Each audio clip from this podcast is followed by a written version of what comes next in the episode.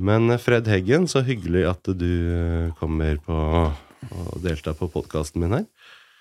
Takk for at jeg ble invitert. Ja, trivelig. Og du er jo mm, overlege i psykiatri, er det riktig? Det er riktig. Ja, ja. Hvor lenge har du jobbet med psykiatri? Jeg har jobbet med psykiatri siden 2004. Så det er snart 20 år.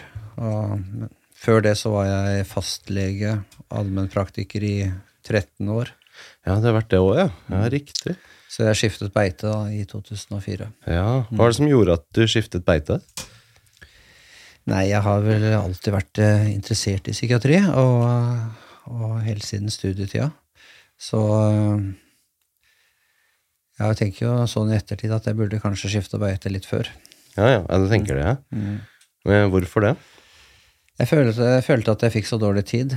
Ja. Det, var så, det er så stort fag, og det er så mye interessant man har lyst til å gjøre og sette seg inn i, at, eh, at det ble dårlig tid, rett og slett. Ja. Så jeg måtte, det ble ganske hektisk. ja. Men jeg syns jeg har rukket en del, da. Ja, for psykiatrien det er jo ganske sånn lang tilleggsutdanning hvis du er lege først. Ja. Eh, er det fem eller seks år oppå der igjen, eller? Ja, og det er jo det forskjellen på psykolog og psykiater da, som mange lurer på, det er jo at eh, psyk psykiater, da er man alltid lege. Ja. Man er utdannet lege, og så spesialiserer man seg i psykiatri. I, og det tar ca. fem år, ja. ja, for man må ha den muligheten til å skrive ut medisiner. Det er vel en del av psykiaterens oppgave? Skrive ut medisiner, og det å, å kunne skille mellom hva som er psykisk, og hva som er somatiske, da, altså kroppslige sykdommer. Ja, ikke sant? Så man egentlig behersker to fagfelt nesten på en gang. Det, det psykiske og det psykologiske samtidig med det somatiske fagfeltet. Ja, ikke sant? Mm. Ja, det er ganske avansert, da. For det, hva er egentlig um, forskjellen, bortsett fra det der med utdanningen, at du må være lege? Hva kan man si ellers er forskjellen mellom psykologer og psykiatere? Nei, man kan vel si at i dag så, er, så har vi eh, mye av de samme arbeidsoppgavene. Eh, Vi møter den samme virkeligheten. Vi har de samme pasientene. Vi har stort sett den samme tilnærmingen også til psykisk sykdom. Eh, Så man kan jo si det sånn at psykologer de har jo da studert psykologi fra dag én, mens leger må jo på en måte begynne med det når de skal spesialisere seg. Sånn at eh, Derfor er- det nødvendig, mener jeg, at de som ønsker å bli psykiatere, at de også tar en tilleggsutdannelse ved siden av, ved siden av å bli, spes bli spesialister, men at de også tar en tilleggsutdannelse eller to. F.eks. i psykodynamisk psykoterapi eller kognitiv terapi. Sånn at man også får den psykologiske bredden som jeg tenker er viktig. Mm. Ja, for det er jo så enormt fagfelt, sikkert, at det er fordi selv psykologer som har tatt gjerne hva er det, fem eller seks år, de tar først, og så er det, hvis du skal bli psykologspesialist, så er det vel fem år oppå der igjen. Så det er jo er vel et elleve år langt elleve års langt forløp, det òg. Så det er, det er jo mye. Men er det forskjellige ting som eh, psykiatere jobber med versus hva psykologer jobber med ofte, eller? Eh, ja, på, det er jo Altså, jeg vil jo si det sånn at uh, psykologer er nok er flinkere til å gjøre forskjellige psykologiske tester. Og de gjør også sånn intelligenstester, sånn som psykiatere veldig, veldig sjelden gjør. Så, eh, så du kan si altså testmaterialet og disse tingene er, er vel psykologenes domene. Eh, I hvert fall for en stor del. Mm. Uh, og så da psykiateren dette med det somatiske og det med medisiner og Mm. Er det typisk forskjellige avdelinger på sykehus og sånn at eh, psykiatere jobber versus psykologer jobber? Vi jobber sammen. Jobber sammen, ja. Ja. Gjerne de samme stedene. Jobber sammen. Jeg syns vi utfyller hverandre også på en ganske god måte, så jeg føler ikke at det er noen profesjonskamp, egentlig. Så Nei. det, Men typisk hvis eh, en sånn vanlig privatperson skal gå til det liksom å gå i terapi, da. Gå i sånn type, hva heter det for noe, altså um, psykoterapi. psykoterapi eller atferdsterapi eller hva det heter for noe. Møter man oftest på psykologer der, eller kan det være også psykiatere man går til da? Det kan like gjerne være en psykiater. Mm. Så nå er det vel kanskje flere psykologer som tilbyr eh, psykoterapi. Ja. Jeg tror det er mer vanlig, og det er vel jeg inntrykk at det er veldig mange psykologer nå etter hvert. Mm. Så, så det, det er nok en stor sjanse for at man møter en psykolog. Mm, ja, ikke sant? Men hvordan hva er det som gjorde at du ble lege i det hele tatt, da? Hvis vi spoler helt tilbake i måte, din reise eh, fra oppveksten, og hvorfor ville du bli lege, på en måte? Var det en, var det en drøm hele veien, som barn? Det var vel en, eh, en dum uttalelse jeg kom med da jeg var eh, seks-sju år, ja, ja. som hang ved meg. Fordi jeg var, jeg var flink på skolen, og, og da jeg vokste opp på den tiden jeg vokste opp Jeg kommer fra Askim for, øvrig. eh, Så var det Det var altså det å bli lege, det sto veldig høyt. Og, og eh, jeg begynte som etter, rett etter videregående så fikk jeg jobb som pleiemedhjelper på et eh, syke, Askim sykehus. Da, det var den gangen et sykehus. Og da husker jeg at jeg virkelig fikk lyst til å bli lege. Så det var da det egentlig tok av, da. Var det på en måte for um, omsorgen for menneskene og, og pleien, på en måte, den, den biten der? eller? Ja, eller det å kunne, å kunne ha den kunnskapen og ferdighetene til å kunne finne ut hva som feilte mennesker, og kunne gi, tilby behandling. Ja, kunne utgjøre, gjøre noen ting. Ja, utgjøre en forskjell, Mm. Ja, ikke sant? Det legekallet som de snakker om. Mm. Ja, kanskje. Jeg tenkte kanskje ikke på det som noe kall, men det var i hvert fall eh, Jeg husker jeg beundret de legene som gikk med calling på avdelingen jeg var pleiemedhjelper. og Jeg husker at det var så, så det tenkte jeg Nei, så det var vel det som jeg fikk veldig lyst til, i hvert fall. Det ble liksom en motivasjon hele veien, ja.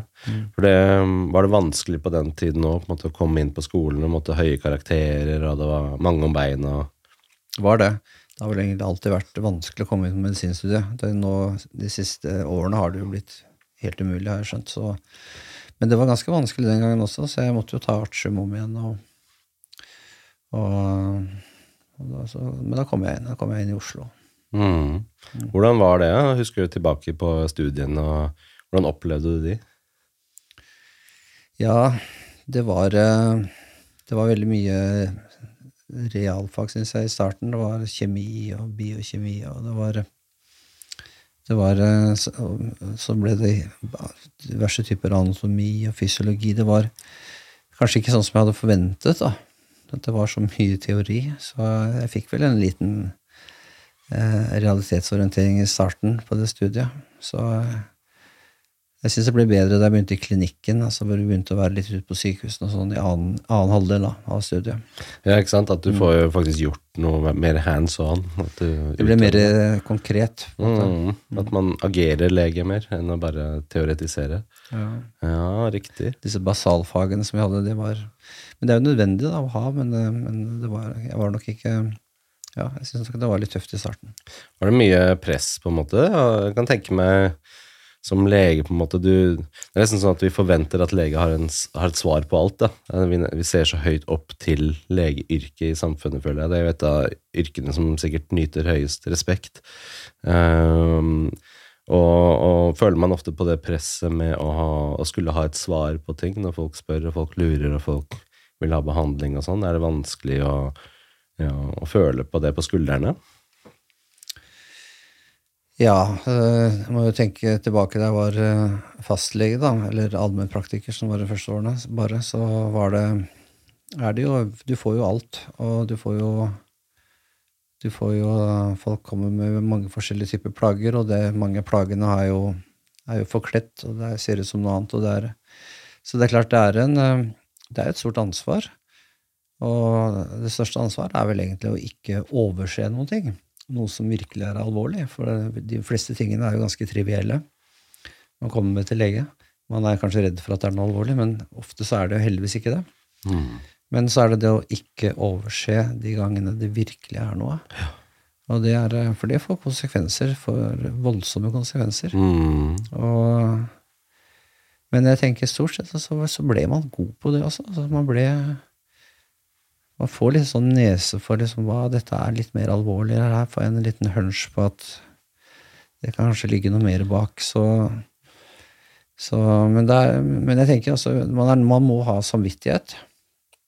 Man må ha samvittighet som lege. Man er nødt for å ha også en viss porsjon med, med si æresfølelse. At man gjør faktisk en jobb, og det, det, den er, må være seriøs, og den må være god. Så kan man gjøre feil, for det, det skjer med alle. Er, eh, men eh, men jo mer man jobber, jo lenger man jobber, jo mer ydmyk blir man også. Det er ikke alt man kan svare på. Det er ikke, alle, det er ikke alt som lar seg svare på.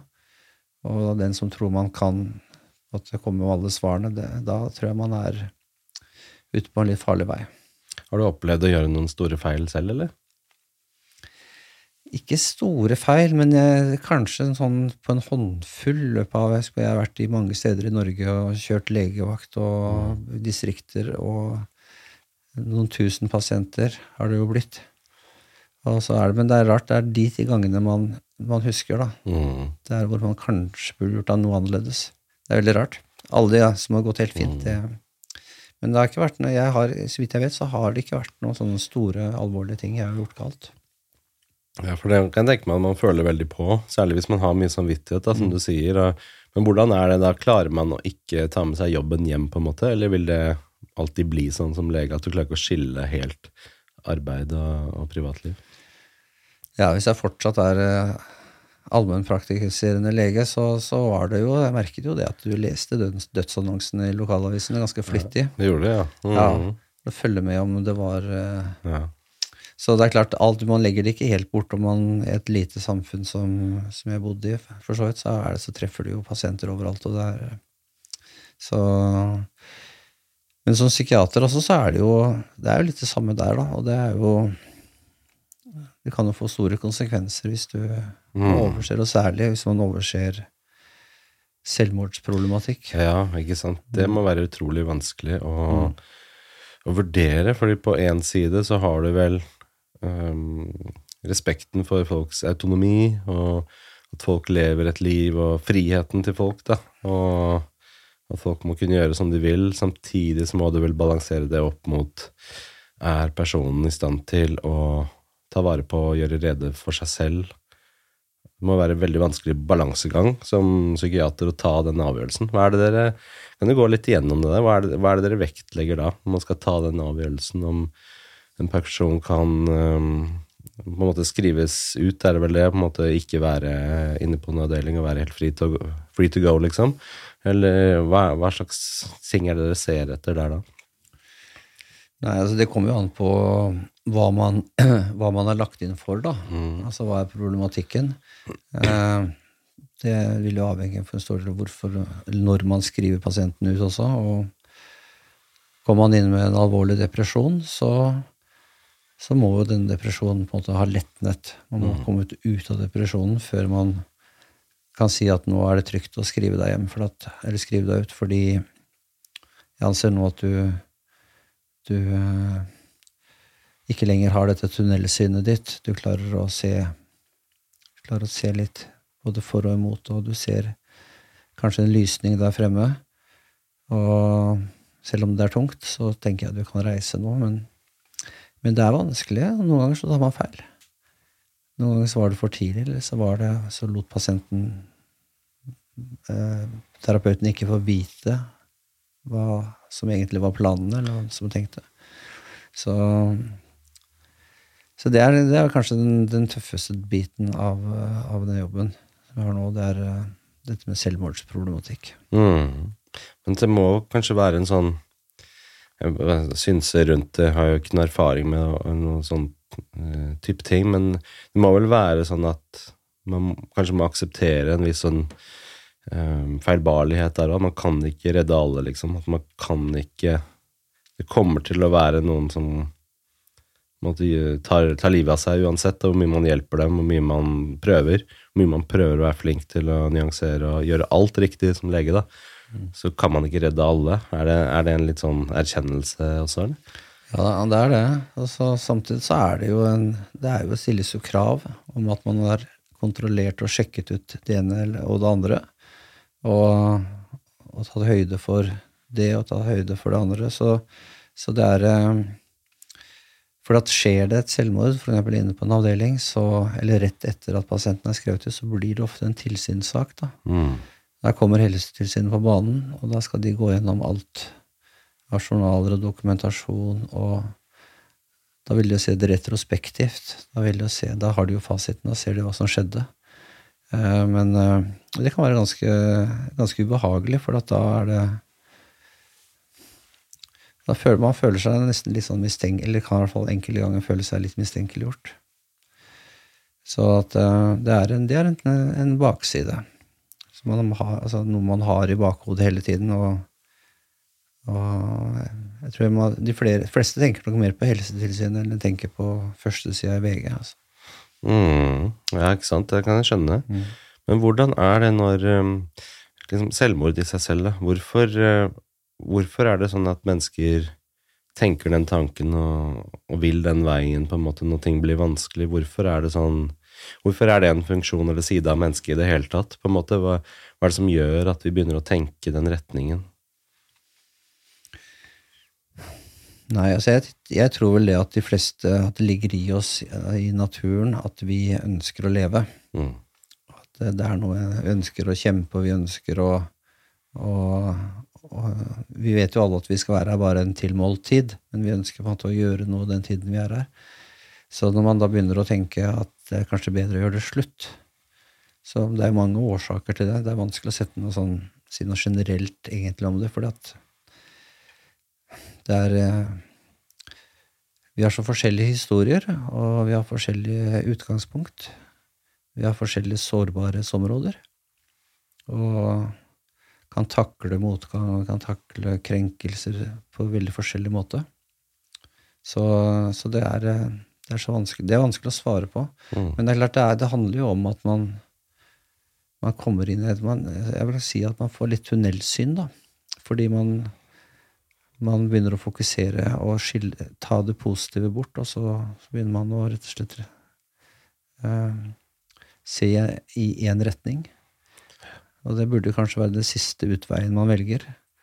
Men så blir det plutselig en veldig aktuell utvei. Og så blir det en sånn idealisering på en måte av det òg, at det føles som en sånn At det nesten liksom blir noe positivt i livet, at man føler at man har en utvei. At det er liksom Det der er noe jeg kan holde fast ved. Det er, det er løsning At det blir i hodet ditt er løsningen på problemene, da. Det er, det er sant, ja. Det kan det være. Også, men det, det, det som også er veldig merkelig, er at man begynner også å tenke at når man er i den situasjonen, har jeg inntrykk av at man begynner å tenke at det er det beste for alle rundt meg også, faktisk. Ja. Ja kommer, hvorfor kommer den mekanismen inn? Er det en sånn um, For det er, et, det er, vel en del av depresjonen i seg selv, at man får veldig sterk skyldfølelse, skamfølelse. Og, og det er vel kanskje ja, et utslag av det, da. Mm. At det, det, er best for alle hvis ikke er der. For man føler seg så lav, det dårlige selvfølelsen og sånn at det mm man begynner å påta seg veldig mye skyld for mm. det ting som skjer, og at man er en belastning, og man er egentlig ikke noe verdt, og man har sviktet alle rundt, og man er en taper, og mm. la de få slippe meg nå. Ja. Alt blir svart. Ja. Mm. Så det er en, en veldig, veldig farlig ja. En veldig farlig nedadgående spiral. Hvor mye av depresjon og sånn tror du er øh, fysiologisk, skråstrek kjemisk i hjernen, og hvor mye er på en måte psykologisk og ja, på det nivået? Kan man si, Er det en kombinasjon, eller er det noe som er veldig individuelt? Hos noen så er det ren kjemi, på en måte at det er nedarvet, og dessverre så var du disponert for å ha den typen kjemi i hjernen din. Eller, og hos, hos andre så er det mer sånn ytre påvirkning og sånn, eller er det en blanding av det, eller kan det være begge deler? Eller? Jeg tenker det kan være begge deler. For jeg tror jo at vi, vi er født uh, med Alle er født med, med, våre gener. Altså, vi har våre gener, vi har våre nedarvede egenskaper. Og så er det da miljøet rundt som er med og påvirker, og det er jo fra vi er født. Og så er det på en måte hvordan, Hvorfor går det som det går med oss? Jeg tror da det handler mye om at vi har forskjellige sårbarhetsområder og at vi ikke er klar over det. Ingen er klar over hvilke sårbarhetsområder man har, før det skjer noen ting. Mm. Og, eh, så jeg tenker jo at det det tror jeg også er med på å gjøre hvem er det som kan bli disponert for å få den type uh, tanker eller planer. Og, men jeg tror nok at det er uh, at det handler også om, som du sier, fysiologiske mekanismer. og kjemiske substanser i hjernen, en ubalanse. Mm. Det, vi bruker jo antidepressive legemidler, og det mm. funker jo mange ganger. I hvert fall ved lettere depresjoner. Så vil det hjelpe.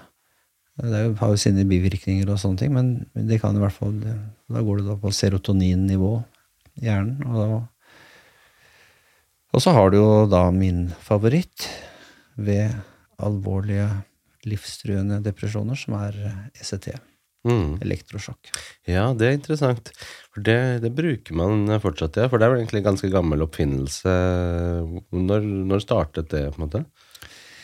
Ja, det er, startet jo faktisk med at uh, til alle tider så har det jo vært depresjoner. Mm. Det har vært psykoser. Mm. Uh, det har vært altså Alle disse tingene har vært der bestandig. Men depresjoner var jo på en måte, kunne jo være veldig kunne være livstruende Mm. før i tiden, fordi det fantes ingen behandling. Man visste ikke hvorfor. Mm. Man fikk en sånn type sånn alvorlig melankoli, melankoli, som vi sier. Men det man så bestandig, det var Man lurte på hvorfor har mennesker med epilepsi Hvorfor blir de bedre av sin depresjon etter et epileptisk anfall? Mhm. Det, det var stusset folk over, fordi hvorfor ble de bedre etter å ha hatt et epileptisk anfall? Så ble de mindre deprimerte. Og det har man lurt på bestandig. Og, så var det at man begynte å eksperimentere og tenke at vi må frembringe et anfall som ligner på epilepsi, altså krampeanfall. Og det begynte jo man med på hvert fall på begynnelsen av 1900-tallet. Ved å gi da kjemiske stoffer som da kunne gi den type kramper. Mm. Og så var det i 1937 hvor det var et par italienere som tenkte hvorfor ikke forsøke et elektrisk støt. Det høres så veldig dramatisk ut, men det var faktisk det de tenkte på, og så funka det. Det var eh, Og siden så har man brukt det. Men selvfølgelig andre typer strøm, altså strømtyper, andre Nå er det jo med under narkose og det er, Mhm. Så, Men det brukes jo fullt. Har man skjønt hvorfor det fungerer, eller vet man bare at det fungerer? Man har vel ikke, man har ikke klart å finne ut en bestemt årsak til at det skal fungere. Man ser jo selvfølgelig at det blir en frigjøring av kjemiske stoffer i hjernen når det skjer. Det skjer en blodtrykksstigning, pulsstigning, det skjer, det skjer en veldig aktivering av, av både kropp og hjerne. Og i det det skjer. Så på mange måter kan man si det er en restart, Ja, Kontroll er alltid likt, liksom. på en måte. Ja. Sånn at det er, eh, og det er jo sånn det nesten virker også. Så det er en eh, ja, for hvordan er pasientene når de våkner igjen etter det? Så det er litt forskjellig, men sånn etter en første behandling så er det jo man, sover jo når man får dette. Man Mm. merker jo ingenting, men noen kan jo være litt fortumla og litt Man våkner jo allerede opp etter noen få minutter, ikke sant, Mm. etter en sånt, og fortumla, eh, litt forvirra, kanskje litt vondt i hodet. Men så liksom går det seg til, og så er det Så blir det på en måte etter kanskje allerede etter en tre behandlinger, så er det så er man liksom ute og går tur. altså. Nei. Man føler seg bedre til sinns også. Bedre til sinns, og man har plutselig ikke de samme selvmordstankene. Wow. Der, så det er litt Men det, dramatisk. men er det vedvarende, eller bare hjelper det liksom der og da, og så går du ned igjen i depresjon, eller holder det seg over tid? Nei, det er det at det, det, det, altså, depresjon har en tendens til å komme tilbake. Ja, ja. Og det gjør det jo der også. Mm. Så noen ganger så gir man sånn vedlikeholdsbehandling med elektrosjokk. At man Mm. får det kanskje en gang i måneden, en liten Mm. periode. Og så får, bruker man også antidepressiva da, for å forebygge. Altså ta, ta medisiner. Så det Jeg ville valgt altså Hvis jeg får en alvorlig depresjon, så ønsker jeg ECT-behandling. Ja, det gjør det, ja. Ja. Men eh, skal vi si har det noen bivirkninger og sånn? Kan det liksom ødelegge noe hukommelse, eller mister du hukommelsen fra siste dagen, eller hvordan er det på den biten? Det er det som du sier nå, som er, kanskje er den, mest, eh, den vanligste bivirkningen. At man mister den korttidshukommelsen. Mhm. Og hva skjedde nå siste dagen? Nå husker jeg litt. Og mens lengre tid tilbake, så pleier man å huske greit. Men eh, det er den vanligste vi merker. Den kommer tilbake igjen. Ja. Men, men det vil nok være borte de tingene som skjedde de dagene. Ja. Men eh, noen opplever også større typer hukommelsestap. Uh, jeg har aldri møtt noen av det, men det, det leser man jo om. Ja. Og det må man ta på alvor. Men så må man spørre også hva, hva var det som forårsaket det? Var det elektrosjokket, eller var det anestesien? Ja, sånn, ja. Men eh, for det er ikke sånn at det ødelegger evnen til korttidshukommelse. Det er mer sånn selve den hukommelsen du hadde fra de siste dagene. Det er ikke evnen til å ha korttidshukommelse i det hele tatt. Nei. Og jeg må også si det at en av, noe av det første som blir borte ved en depresjon, er hukommelse. Ja, ja. Hvorfor det? Vet man det? Nei, men det høres veldig kjemisk ut, spør du Ja, meg. ja. Men ja, fordi du har de forskjellige gradene av depresjon. Vi kan jo ta for at de kanskje mild og moderat vel og alvorlig. Hva er det man kan si generelt om de tre gradene der? En mild depresjon er jo at man, eh, man har lett Altså alt av disse symptomene ved, ved angst, indre uro, tiltaksløshet, nedsatt matlyst, sover dårlig, og kanskje etter hvert også da tanker om skyld, så disse tingene, mindreverdighetsfølelse. Alle disse tingene er til stede, men de er, de er ikke store, og man og, no, og jeg vil tro at i mange tilfeller går det over av seg selv. Men noen ganger så må man, bør man søke hjelp. Og får litt hjelp til det. Så er det moderat depresjon, så begynner det å bli litt mer alvorlig. Så er det jo, Da må man jo begynne å tenke på går det greit å gå poliklinisk. For man bør da få hjelp, pro- profesjonell hjelp.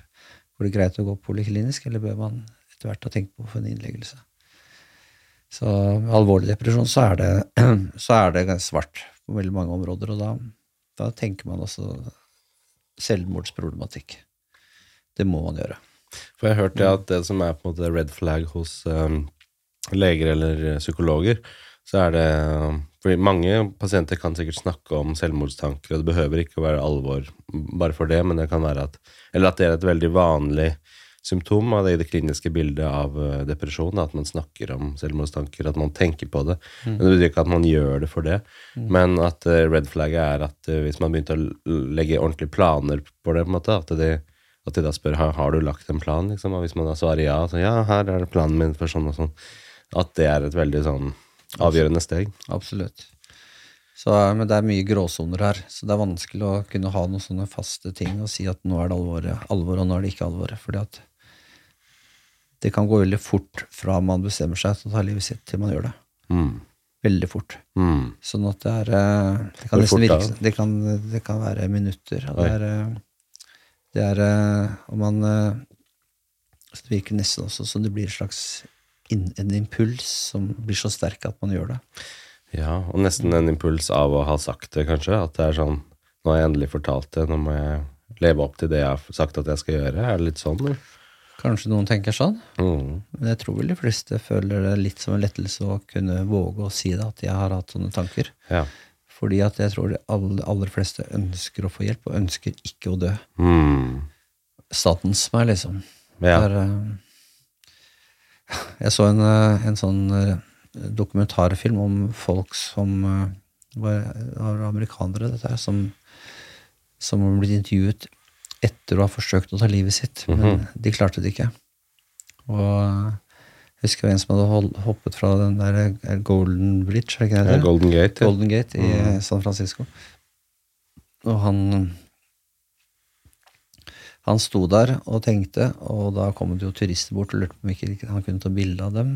Og han håpet at noen skulle kanskje stanse meg, da. Hold fast i meg, be meg la det være. Men, men ingen visste at han skulle hoppe. Og så tok han fart og jumpet over. Og idet han slapp taket på rekkverket, så angret han. Ja. Tenk den følelsen. Men jeg tror kanskje det er det er Da er det over. Altså, Mm. det er han overlevde jo, da. Men Mm. Og det er høyt òg. Å overleve. Fikk han mye skader og sånt, da? jeg tror ikke det. Jeg tror han uh, angrer så mye at han eh, kroket seg ordentlig sammen og eh, kom ned som en sånn kule. Så det var uh... Det er livet i gave, da, for en ny start. mm. Men var han da, hvis du husker noe fra den serien, var han da på en måte kvitt depresjonen, eller hadde han like fullt mye depresjon allikevel? Ikke da han ble intervjuet, så han fikk jo helt sikkert terapi etter Ja. dette. Mm. Og, men jeg tror nok at han, hadde blitt altså, man, man ble skremt ut av selvmordsproblematikken, i hvert fall. Ja, ja. Wow. Det, ja, er det mange av de som forsøker å ta livet av seg, som overlever, på en måte, i forhold til de som går hele veien og, og faktisk uh, gjør det? Ja, og det er jo det. Noen ganger så er det vanskelig å vite er dette et ekte selvmordsforsøk, eller er det et rop om hjelp. Mm. Og det er jo flest menn som, som, eh, som dør Ja. ved selvmordsforsøk. Mm. Og, og kvinner kan ofte overleve fordi de Noen i hvert fall fordi de da gjør det halvhjertet, eller fordi de sørger for å bli funnet hvis de har tatt en overdose med tabletter. Altså de tar, gjør, man gjør ting som man kan bli reddet av hvis man blir oppdaget. Aha. Så det er større, i større grad et rop om hjelp hos kvinner, eh, og hos menn så er det mer sånn at nei, nei, jeg skal bare dø, på en måte. Er det litt sånn? Litt mer brutale måter, har jeg inntrykk av. Ja. At det er litt mer eh, enten-eller. Man hopper eller henger seg eller altså, skyter seg. Det er liksom Er det pga. testosteron, tror du? At menn har mer aggresjon generelt? Sånn at vi handler og agerer sterkere på de impulsene vi har? Det kan godt være. Mm. Det kan godt være det. Mm. Men, um, men av de som du kanskje har opplevd, da, som har, som har forsøkt det og ikke klart det, er det mange av de i din erfaring på en måte som, som da ehm, angrer også, da, sånn som du pratet om han på filmen, eh, og som da kommer på rett kjøl igjen etter å ikke ha klart å ta livet av seg, eller er det da at det, eller er det mer typisk at det henger ved at de forsøker igjen og igjen og igjen, at det er mer sånn kronisk tilstand av eh, selvmordsforsøk? Jeg tror jeg har opplevd begge deler. Jeg har opplevd folk som har våknet etter en overdose og så sagt at eh, dette var ikke noe gøy å våkne. Det var ikke det jeg skulle. Er skuffet, men der også er det jo altså Det er utrolig hva man får til. Mm. Og det, å, det, skal man, det skal psykiatrien ha, at det er utrolig hva man får til å få snudd Mm. i forhold til tanker og reaksjonsmønstre og, Mm. og følelser. Så, så det Men eh, jeg tror nok mange, de fleste er nok vil jeg tro, litt lettet over at det ikke gikk. Fordi at nå får man også hjelp, da. Det, Ja. det er jo det som på en måte er eh, tror jeg et, eh, også et punkt at man Jeg tror det er en del som går og ikke får hjelp, og ikke vet hvor man skal henvende seg. For brukes disse, hjelpe, disse, disse hjelpetelefonene. Ja. Den tjenesten brukes jo veldig, veldig mye. Ja. Eh, Hvem er de beste av de telefonene? Er det Mental Helse Norge, Kirkens SOS, er det vel noe som heter? Jeg kan ikke, det kan jeg ikke uttale hvem som er best. Nei, Jeg nei. at begge to, Mm. begge to de, de yter jo hjelp mm. uh, veldig mye. Og jeg er helt sikker på at de, at de redder veldig mange menneskeliv. Ja. Jeg tror det. Mm. Tenkte jeg skulle linke til de i denne episoden her, så de som kanskje hører på denne kan være hvis de mm, tenker på den typen ting, da, og kanskje det er noe som gjelder dem, at de kan da finne de linkene i eh, episoden, i beskrivelsen under. Um, fordi de gjør sikkert veldig mye bra arbeid, i den typen organisasjoner, og redder kanskje mange menneskeliv òg. Helt, helt klart. Mm. Og, vet du, også Mental Helse er jo også en sånn chattjeneste for unge mennesker. Da, hvor de kan chatte, de som ikke liker å snakke på telefonen, kan chatte. Mm. Så, Ja, så, det er, eh, så det er jo en veldig, veldig bra tilbud. Ja, for det er sikkert en høy barriere å ta kontakt når man sliter med sånne ting. Og kanskje spesielt da, ikke bare telefon, men da skulle gå til en lege eller oppsøke en psykiater eller psykolog, at det er en sånn høy terskel der. Hva tror du det kommer av, den typen problematikk? Hvorfor er det så høy terskel for folk å, gjøre, å, å be om hjelp? Jeg tror man eh, det, det kan sikkert være flere årsaker, men jeg tror nok kanskje det har noe med skam å gjøre. Mm. eh, og at man Men også en redsel for ikke å bli tatt på alvor. Ja. Og kanskje liksom bli latterliggjort. Jeg tror mange er redd for det. Skjer det ofte, tror du? Er det Jeg tror ikke det skjer ofte. Nei. Det tror jeg ikke. Og det er så mye fokus som har vært på dette de siste ti årene nå, så, så ville jeg blitt veldig overrasket. Ja. Hvis det er noen som ikke tar det på alvor. Så, men det er klart det er mange måter å bli tatt på alvor på. Og det er eh, det å få en tilbud om en poliklinisk behandler kanskje åtte ganger, da. Mm. Det er det man får tildelt. Det kan jo være altfor lite. ja. Og det er ikke alle som har råd til å betale disse helprivate. Og, og også hvis man blir skrevet ut fra en avdeling og får høre at nei, nå tror jeg det går bra med deg. Mm, ja, ja. Og så skal vi henvise deg til DPS. Og så kan du få, blir du innkalt der etter hvert. Så det er, eh, og det er, så det er, mange, det er jo litt forskjellig. Da. Noen føler seg jo avvist, blir krenket av det. Og, så Kanskje de har følt seg avvist hele livet, og så får de bare enda en avvisning oppå det. ikke sant? Og så er de redde for det, og kanskje det er det som gjør at de går og tar livet av seg, og føler at ja, ikke engang helsevesenet gidder å hjelpe meg, så da Da er det jo ikke noe vits i det. At det blir litt sånn type følelse kanskje av det. At man, at man kanskje frykter også å oppleve det. da. At man heller da utsetter det. Ja, og det er jo ikke bare Det kan man kjenne på seg selv også, hvis det er noe somatisk man har, eller noe annet. Altså, altså hvor skal man, Så er det fire ukers ventetid hos fastlegen, og så og hvor skal man gå, da? Ja. Gå på legevakten, og så tenker jeg ja, men er det alvorlig nok til det, og er det Altså, det er noe altså, Ja, ja. Hvor skal man henvende seg? Ja. Jeg tenker Hvis man går rundt da og er deprimert, og, og, og, alt føles håpløst, og man vet at nå, nå er det, dette er ikke bra ja. men jeg tror at man jeg tror det er viktig at man også ser at det er andre enn helsevesenet man kan benytte. Ja. Det er litt viktig. Altså Det er det å kunne snakke med noen, Ja. og gjerne en prest. ja. Det er, Det er noe man glemmer ofte Ja, i hverdagen. Prester glemmer man. Og det Mhm. er, eh, de, har, de kan sjelesorg, som det Ja. kalles. De, de, de møter mennesker, og de er kloke ofte. Er, så jeg tenker at det er viktig å, å si at jeg tror det viktigste er på det, Sånn er det jo med, med nesten all type behandling som, som man har. Altså, det er mange forskjellige typer terapiretninger. Ja, Det som det kommer frem til, altså det er på en måte ikke hvilken retning man benytter, men hvor god er relasjonen mellom pasient og terapeut? Mhm. Ja. Det er på en måte det som er eh, Kjemien der, ja. Det beste, det, det som faktisk gir best, best Mm. resultat, u, uavhengig av hva slags retning man, man benytter. Det er interessant. Mm. Men en, la oss si en prest, da. Hvordan går folk sånn rent praktisk for å finne Går man bare til en, på en måte, åpen kirke og sier hei, eller hvordan, hvordan kommer folk i kontakt med en prest?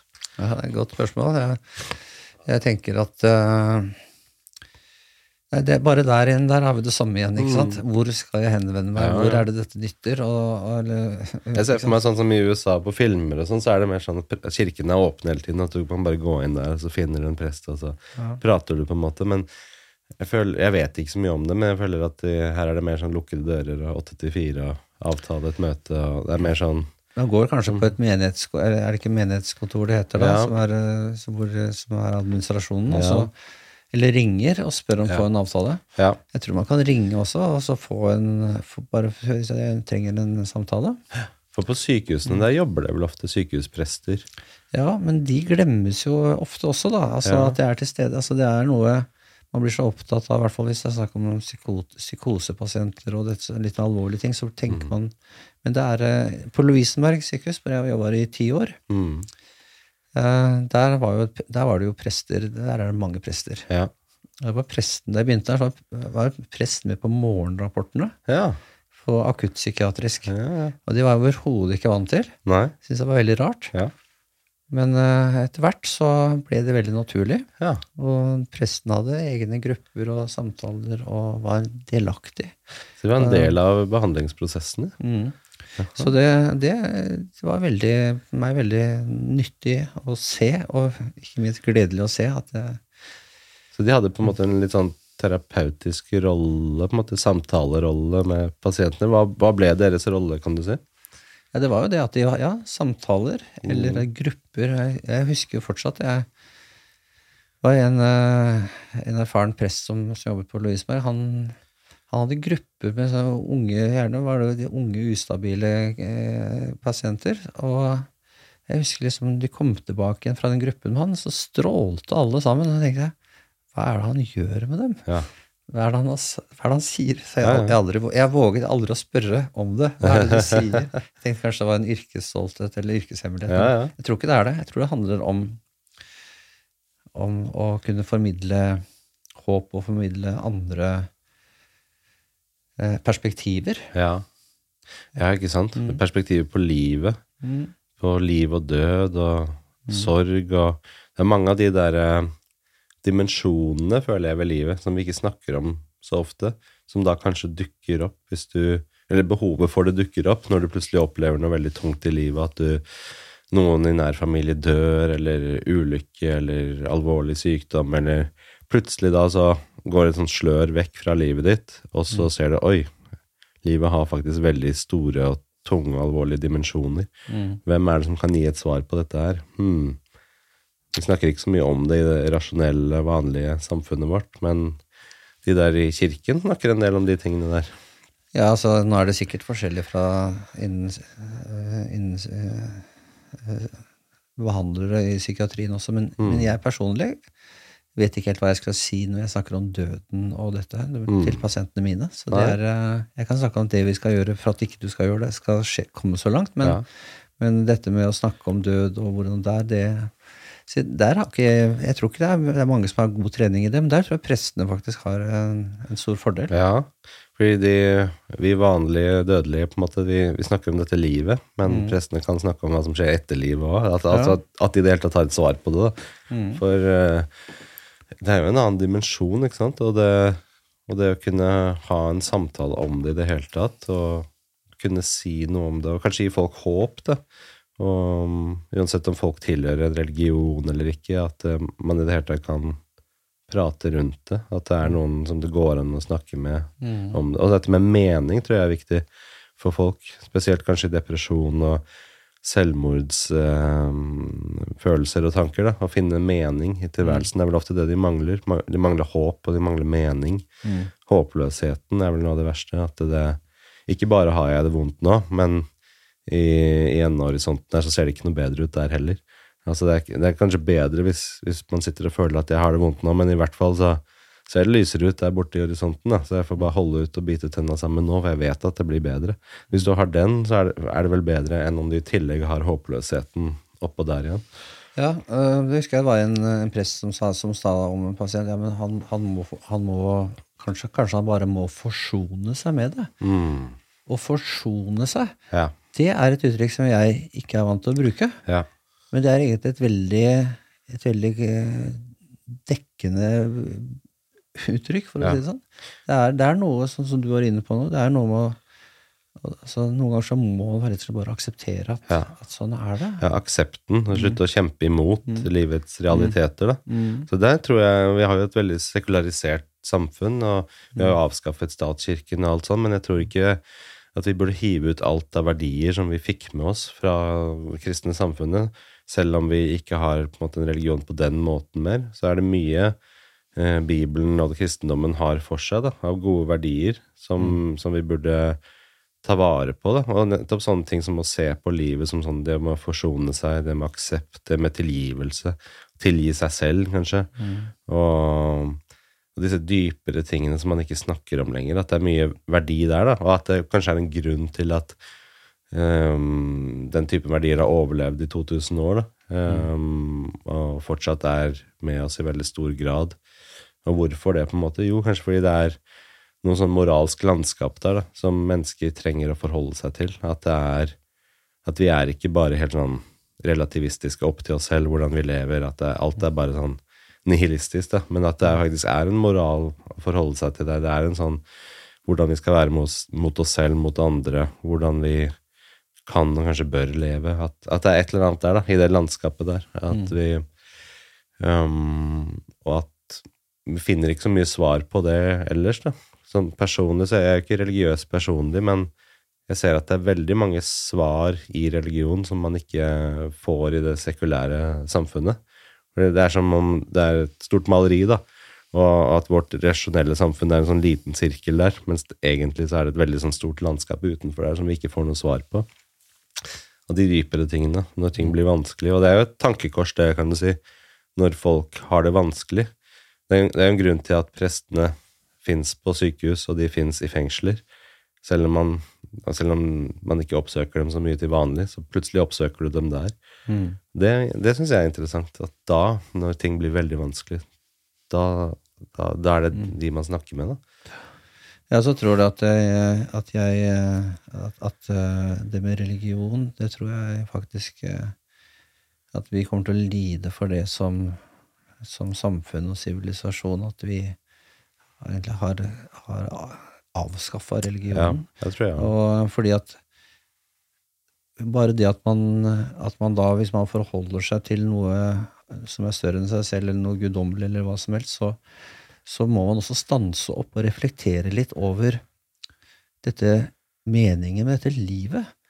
Og, og, og se seg selv kanskje i et sånn metaperspektiv, og se liksom For at, at man er egentlig veldig liten og veldig ubetydelig, men, men det er jo det man har. Man har det ene livet, og hvorfor har man det? Og hva, altså, det er så mange sånne ting som jeg tror det kunne ha vært, har vært veldig nyttig for oss å stanse det opp og tenke over. Isteden så går det jo mer og mer mot uh, at vi blir et mer og mer narsissistisk samfunn. Og har inntrykk av at Vi dyrker jo narsissisme, og det er, det er uh, Og alt blir show, liksom. Og når det kommer en, mot, en, en hard dag hvor ting butter, så har vi plutselig ingenting å stille opp med heller, for vi har ikke lenger vi har ikke lenger den dypereliggende dypere liggende ballasten som noe, Eller bufferen, da, som kunne kanskje vært med og gjort at du fikk Si at det er kanskje håp likevel, eller altså, Skjønner du hva jeg mener? Mm, absolutt. Jeg er helt enig i at uh, det blir mer og mer sånn hedonistisk samfunn. Vi skal bare ha vi skal ha fast food, vi skal ha, bestille det nå, få det nå. Hele tiden den der uh, raske dop dopaminkicken av å kjøpe noe eller oppleve noe eller konsumere noe. Eller, at det blir bare sånn samlebånd da, som går fortere og fortere og fortere. og fortere. Uh, og at man kanskje burde gå motsatt vei. Da. Ta ting litt saktere. Stoppe opp og tillate seg å kjede seg litt. Ikke få masse impulser eksterne hele tiden, men gå i seg selv. Tenke. Les en bok, liksom. Slå av TV-en. Og tenk innover. Hva er, hva er viktig i livet mitt? Hva er, Identifisere verdihierarkiet ditt. Hva er de viktigste verdiene mine? Det er sånn som folk ikke snakker om lenger. Hva er verdiene i ditt liv? Hva er det viktigste for deg i hierarkiet ditt? Er det ærlighet? Er det lojalitet? Er det solidaritet? Er det familien din, eller er det penger og makt og innflytelse, eller hva er det som er på toppen der? da? Fordi Uansett om du er religiøs eller ikke, så vil du ha et slags eh, verdihierarki hvor noe troner på toppen, som du ville ofret alt annet for å bevare, enten du er bevisst på det eller ikke. da. Så jeg tror det er bedre å være bevisst på det. Hva er det som skal være på toppen av ditt verdihierarki? Og at på den måten eh, også ha en sånn buffer, da, som du sier, mot eh, mot det vanskelige. Dersom ting i livet ditt blir vanskelig, da, så vet du i hvert fall hva som er viktigst å ta vare på. Sånn som for meg, da, så har jeg identifisert det aller viktigste for meg er familien min. da. Jeg har en samboer og så har jeg to døtre på syv år og en på ett år. Og jeg ville ofret alt annet for å ta vare på dem. Og det føler jeg godt på en måte å vite, for da er det ikke noe det er ikke noe vanskelig valg. Det er som det for, meg, for eksempel står for meg mellom å jobbe eller et eller annet oppdrag eller et eller annet som kommer i veien. Med en gang det er konflikter mellom ting på verdihierarkiet, så er det veldig lett å vite hva som er prioritet nummer én. da. Hva jeg skal ta vare på, og hva For det blir jo ofte konflikter i kalenderen, og hva som, hva som er viktigst å gjøre, hva, hva er viktigst å tilbringe tid sammen med. Men nei, jeg tror det er viktig også det der med hva er det vi søker i livet? Søker vi lykke og glede, eller søker vi mening? Og jeg tror mening er viktigere, fordi det står seg også når ting blir vanskelig.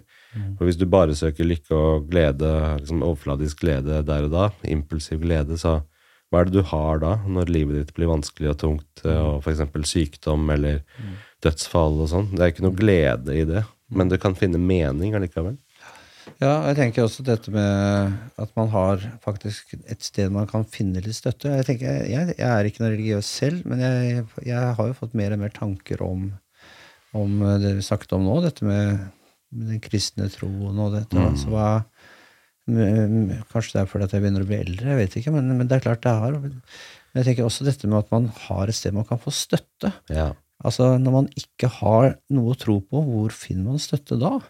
Det er liksom, når, når ting blir veldig veldig vanskelig Du kan være heldig å ha en fantastisk familie, og du kan ha veldig mye rundt deg som gjør at det oppveier, men veldig mange har ikke det. Mm. ja.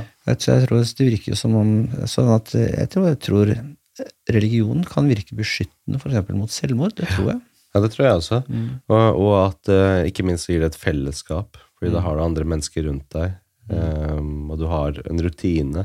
De som har religion som en del av det personlige livet sitt, de har jo f.eks. at de går i kirken, det er, noe, det er noe de gjør, de møter andre. De har en struktur på hverdagen sin på grunn av det. Så jeg tror jeg leste noe sånt som at den amerikanske grunnloven, da, den var skrevet um, mm, hvor de tok høyde for at man hadde et religiøst samfunn. Det er sånn den skulle fungere. Da fungerer den grunnloven, men ikke hvis man har et helt sekulært samfunn. Nei. Fordi det også var basert på at folk skulle ta vare på hverandre i et fellesskap. For eksempel med kirker eller trossamfunn og sånt. Fordi man hadde det, og så kunne staten ta seg av de andre oppgavene. Politi, brannvesen, eh, eh, sånne type ting. Men at i bunnen der, liksom de mest basale delene, så har man eh, enkeltpersonen, familien, kjernefamilien, liksom, men også fellesskapet og Mm. kirken og, og det derre eh, verdisystemet, moralske verdisystemet, som binder sammen, hvor man hjelper hverandre. Kirken er jo mye mer, en mye mer viktig funksjon i USA enn det er i Norge. Mm. Mm.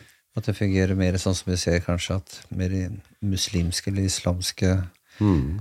eh, samfunn fungerer i dag. Altså at de er mer opptatt av dette med veldedighet og eller Mm. nærområdene, og de, Mm. de er mye mer aktive. Ja. De gir jo liksom en resiliens, sikkert, mot, uh, mot å ha det tøft og vanskelig. Samtidig, det er jo flere sider av det. ikke sant? Religion kan jo ha veldig vanskelige sider òg, med æreskultur og gruppepress og og det er jo en del sånn i kirken, altså kristelige sånn menigheter og sånn, hvor du ikke får lov til å eh, nyte musikk eller danse, og du Altså veldig sånn ekstreme, da. Men du kan si ekstremisme finnes jo overalt. Mens det jeg prater om mer i forhold til tro og religion, er nok mer de, de positive sidene av det, sånn som jeg ser det. Med å, å, å identifisere de verdiene og å identifisere svar på de store, dype, eksistensielle tingene. da, At du faktisk får et svar på det. Um, det står i en bok hva svaret er. Så da får man jo for så vidt et svar når man ser på Exit. Da. Jeg så ferdig tredje sesong i går. ja. Og man får jo noen svar der også, faktisk. Så Ja. man ser hvor eh, hva, som, hva som ikke betyr noe. ja, ikke sant? Så du har en sånn um, den motsatte forståelsen. Da kan man, Hvis man setter det på hodet, så ser man hva som faktisk betyr noe. Ja. Ja, hva tenker du om den TV-serien? da? Nei, hva skal jeg si? Jeg syns det er litt, litt blandet, kanskje. Jeg syns den er godt, veldig godt laget. Bra veldig bra skuespillere. Eh, og, alt er egentlig bra ved den, bortsett fra at eh, at man denne Det blir en slags, i hvert fall de to første sesongene, så blir det jo en, en kokain øh, hva skal jeg si, Det blir jo en slags litt sånn Kokain stilles i hvert fall ikke så veldig negativt lys, da, fordi at de som bruker det, ofte de, de klarer, det jo veldig, klarer seg veldig bra i livet ellers. De har jo nok Ja. penger, og de har nok venner og damer og, og alt, liksom. Så, så jeg, og jeg syns at eh, Og så er det jo også det at når man ser serier eller filmer, så holder man med hovedpersonene uansett. Hvor, hvor gale eller hva de gjør, så holder man med dem. Ikke det er rart? Ja, og det er klart Man håper vel også at disse Exit-guttene skal klare å komme gjennom det ene, ene svindelen etter den andre. Og, og, men, men det er jo et, eh, det er et veldig trist skue. Det er jo det. Det er et trist skue. Det er jo det ultimate hedonismen og og forfall, liksom. Dekadanse og moralsk forfall. Men så tomt. Ja. Så utrolig tomt. Du snakket om barna dine betyr så mye for deg. Jeg husker han ene husker ikke, Nå husker jeg ikke navnet på karakterene, men han ene eh, blir spurt av en en av de andre gutta Mm. Hvilke av barna dine liker du best, da? Mm. Nei, jeg vet egentlig ikke. Jeg kjenner egentlig ingen av dem. ja, ja, ikke sant. Ja. Det er så absurd. Det er absurd. Men tenker du at eh, de gutta der, er de skildret som Skal de fremstå, skal de være psykopater, på en måte? Er det det de er? Nei, jeg, jeg får ikke det inntrykket. Jeg får inntrykk av at de er skadet alle sammen. Ja. Eh, og det, viser seg også at eh, det, det vi får vite av familieforhold, og du får vite at så er det jo Det er vel ganske ulykkelige gutter da, som skal kompensere og, og vise og, og dyrke de narsissistiske sidene ved seg selv. Mm. Og da blir det jo det Man kan jo lure på grensen mellom narsissisme og psykopati noen ganger. Det er, eh, det er jo ikke så veldig mye empati eller, eh, eller anger som er i hodene på disse gutta i Exit. De er jo litt forskjellige, de gutta. da. Noen har litt mer sånn eh, følelsesmessige sider enn de andre. Noen er på en måte verre enn de andre, litt kaldere. Eh, sånn som han svensken, vel. Han er ganske ille. Adam? Ja, Adam. Han er jo ganske kald fisk. Eh, men så har du han som eh, drar til eh, moren sin og skjeller henne ut og gråter og, og har strevet med mye, virker det som. Mye følelser, på en måte. og Mye fra barndommen og Jo, men samtidig, det er jo som å skru av en bryter, så er han tilbake Ja. og banker opp folk. Ja, ja, Eller snyter, eller skal svindle, presse. Skal ha omsorgen for barna. Det er det viktigste for han, selv om han aldri er til stede. Ikke sant? Så det er jo det, så det er nyanser her. Han Adam, han svensken, han er vel kanskje den mest eh, gjennomførte, da, den mest konsekvente. Han er jo bare iskald. Og, og hensynsløs. Men det er en eh, Nei, det er en interessant eh, serie. Hva, Altså, hva heter han som endte opp på bunnen av havet igjen med fiskene? Han, eh, Pål Sverre Hagen heter han i hvert fall i virkeligheten. ja, han karakteren. Vil, William, var det? William, ja. Ja. Han er jo også ganske Han er vel den som er mest ute og kjører psykisk, vel? Han er jo helt Ja, ja. Og hva, hva slags Han har jo åpenbart en psykisk lidelse, så hva er det for noe med han? Ja. Altså noe alvorlig, Ja. siden han blir psykotisk. ja. Men det er vel noen psykopatiske trekk der også, hvordan han er mot folk, og Ja, ja. i, helt iskald. Mm. Og helt kalkulert. Han vet fullstendig hva han gjør. Mm.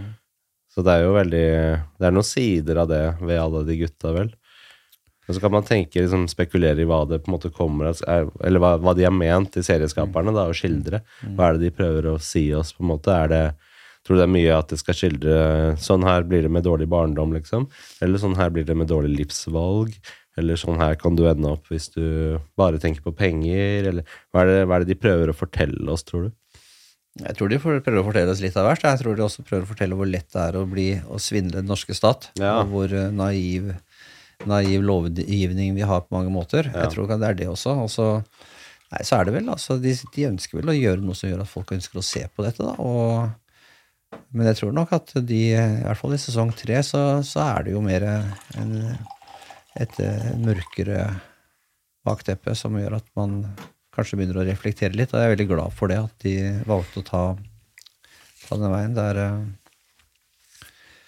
Så Men ikke sant, det der med jeg tenker også det blir mye serier, da, men jeg er glad i å se på serier. skjønner du, Så jeg bruker alt for mye, jeg har brukt altfor mye tid av livet mitt på det. Men Ja, så skriver du i Nettavisen nå, hvor du har skrevet litt om TV-serier og sånt. ja da, jeg får, jeg får brukt det til noe, da. Men, Ja, ja.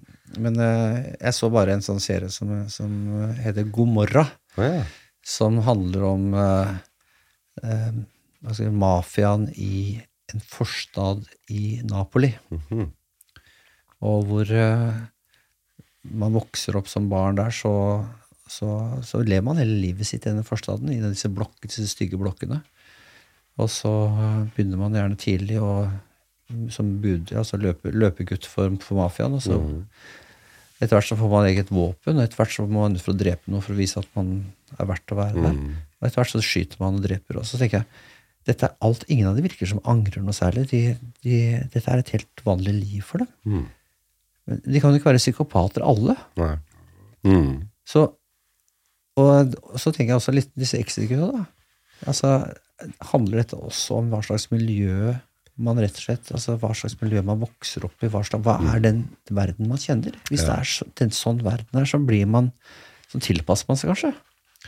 Så blir man Så drar man fram disse kalde sidene av seg selv og undertrykker de andre, og, og, og så plutselig så har man kanskje endret seg. Jeg vet ikke. Men er det det man kaller sosiopati?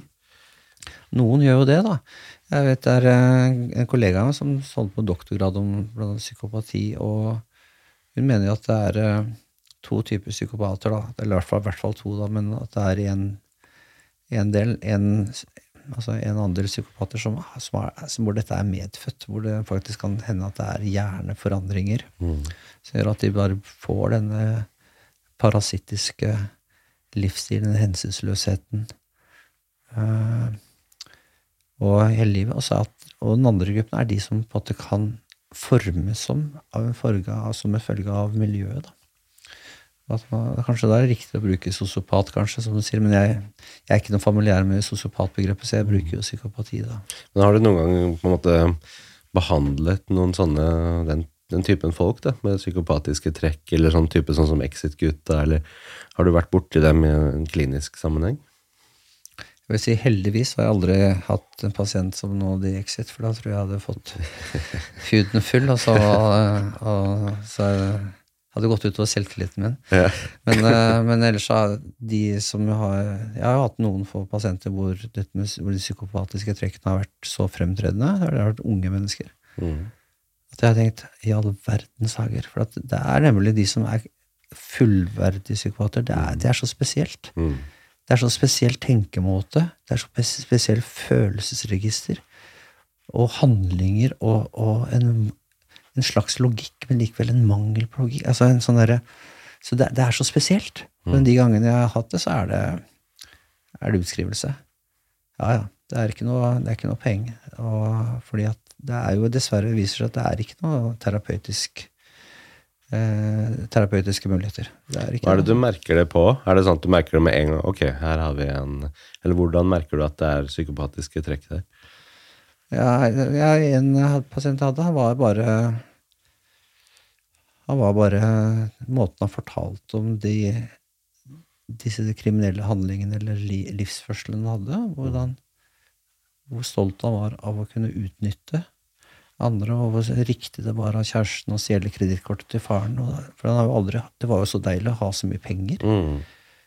Og at han får andre til å betale regninger. Men de, de må jo lære en gang, liksom. Mhm. Det går stadig igjen. De må jo lære en gang, når de er så dumme.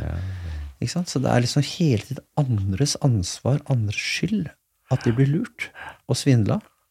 Så det er, eh, men da er det, det er liksom noe med Men det som det, det, det, det kjernetrekket som vi da gjør at vi ikke oppdager psykopater, det er det første punktet i den psykopatisjekklisten, og det er denne grunne, altså denne overflatiske sjarmen. Det at de poserer, og de, de har en, det er en rar type sjarm, men de, de, kan, de gjør at du blir litt bedøvd. Altså, du, du, du, du senker garden din, og du blir, du blir litt revet med. Og i ettertid så tenker du var ikke det litt rar måte å si ting på, var ikke det litt merkelig måte å tenke på, men neste gang så er det akkurat det samme. Det er, eh, det er helt eh, Det er en veldig Det er veldig eh, Deres mest effektive våpen, det er den der sjarmen som gjør at de klarer å snike, snike seg inn. Og så handler det om penger. Jeg var jo veldig opptatt av den der serien Nå er jeg på serier igjen, da. For det var stanse meg hvis jeg snakket Ja, om ja, er Men fint, det. jeg vet den der Breaking Bad-serien den har en oppfølger som heter eh, Better Call Soul. Om den advokaten. Og eh, jeg skal være helt ærlig, jeg, jeg måtte se den serien to ganger. Jeg kan spørre hvor mye tid jeg har brukt på den, men første gangen så syntes jeg han var ganske morsom og egentlig litt godt god på bunnen og stakkars. Ja, han var jo, det var jo ikke hans feil bestandig. Og, og så så jeg gang nummer to. Så så jeg en fullverdig psykopat. Ja. Fra første øyeblikk og gjennom hele serien så var han en fullverdig psykopat. Og det er derfor det irriterer meg i en måte hvordan den serien sluttet, og en del det er fordi at han, han har da, det som gjorde at vi at jeg ikke så det første gangen, var den der fantastiske sjarmen, og hei, kommer jeg, og pang, pang, Ja, ja. og du blir liksom litt sånn slått i bakken, ikke sant? Det er, eh, det, er ganske, ganske lærerikt, egentlig, altså.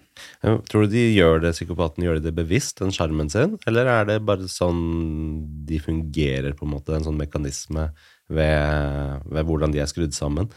Eller gjør de det for å manipulere?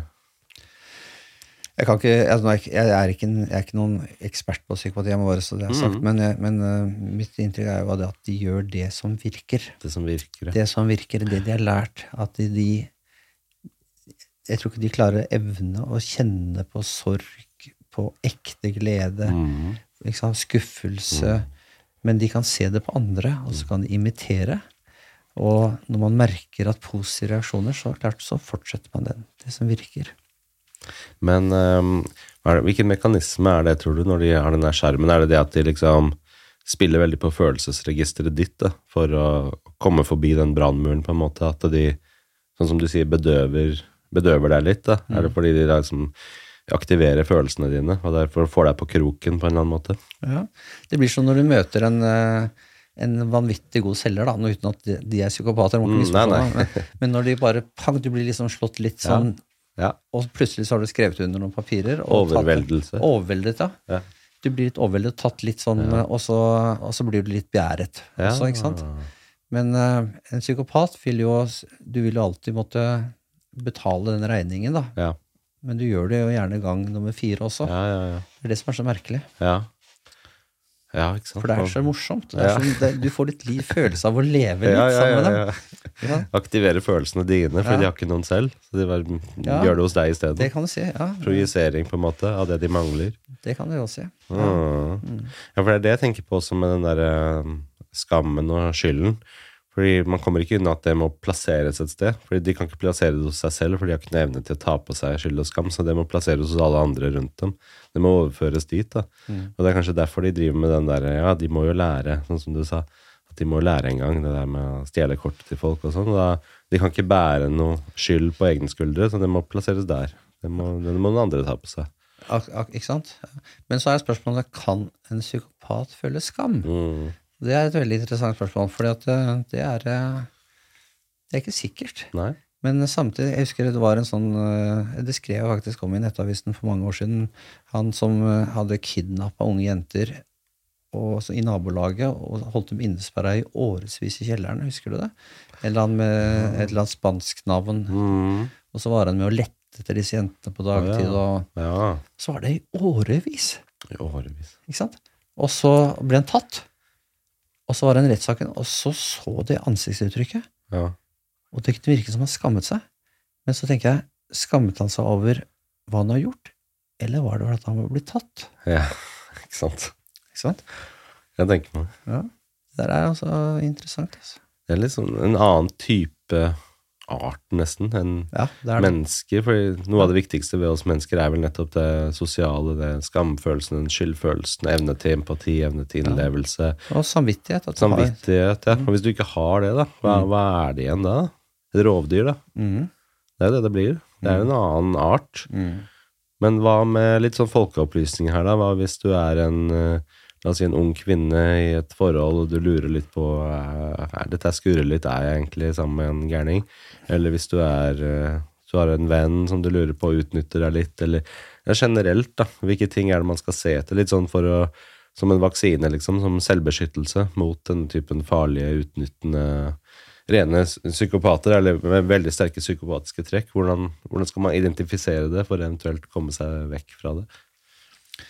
Det, er, jo det, er, det er jo vanskelig, da, fordi man, man blir litt bergtatt ofte. Mm. Det var Robert Hare, som da, som, som da vel er psykopatiens at, eh, grand old man, han skriver i hvert fall i en av bøkene sine om at uh, som kvinne, hvis du blir invitert ut på middag av en mann, og det er stort og flott og du koser dere ordentlig, og når du skal betale, så har han glemt kredittkortet sitt, Mhm. så er det et første varsel. Ja.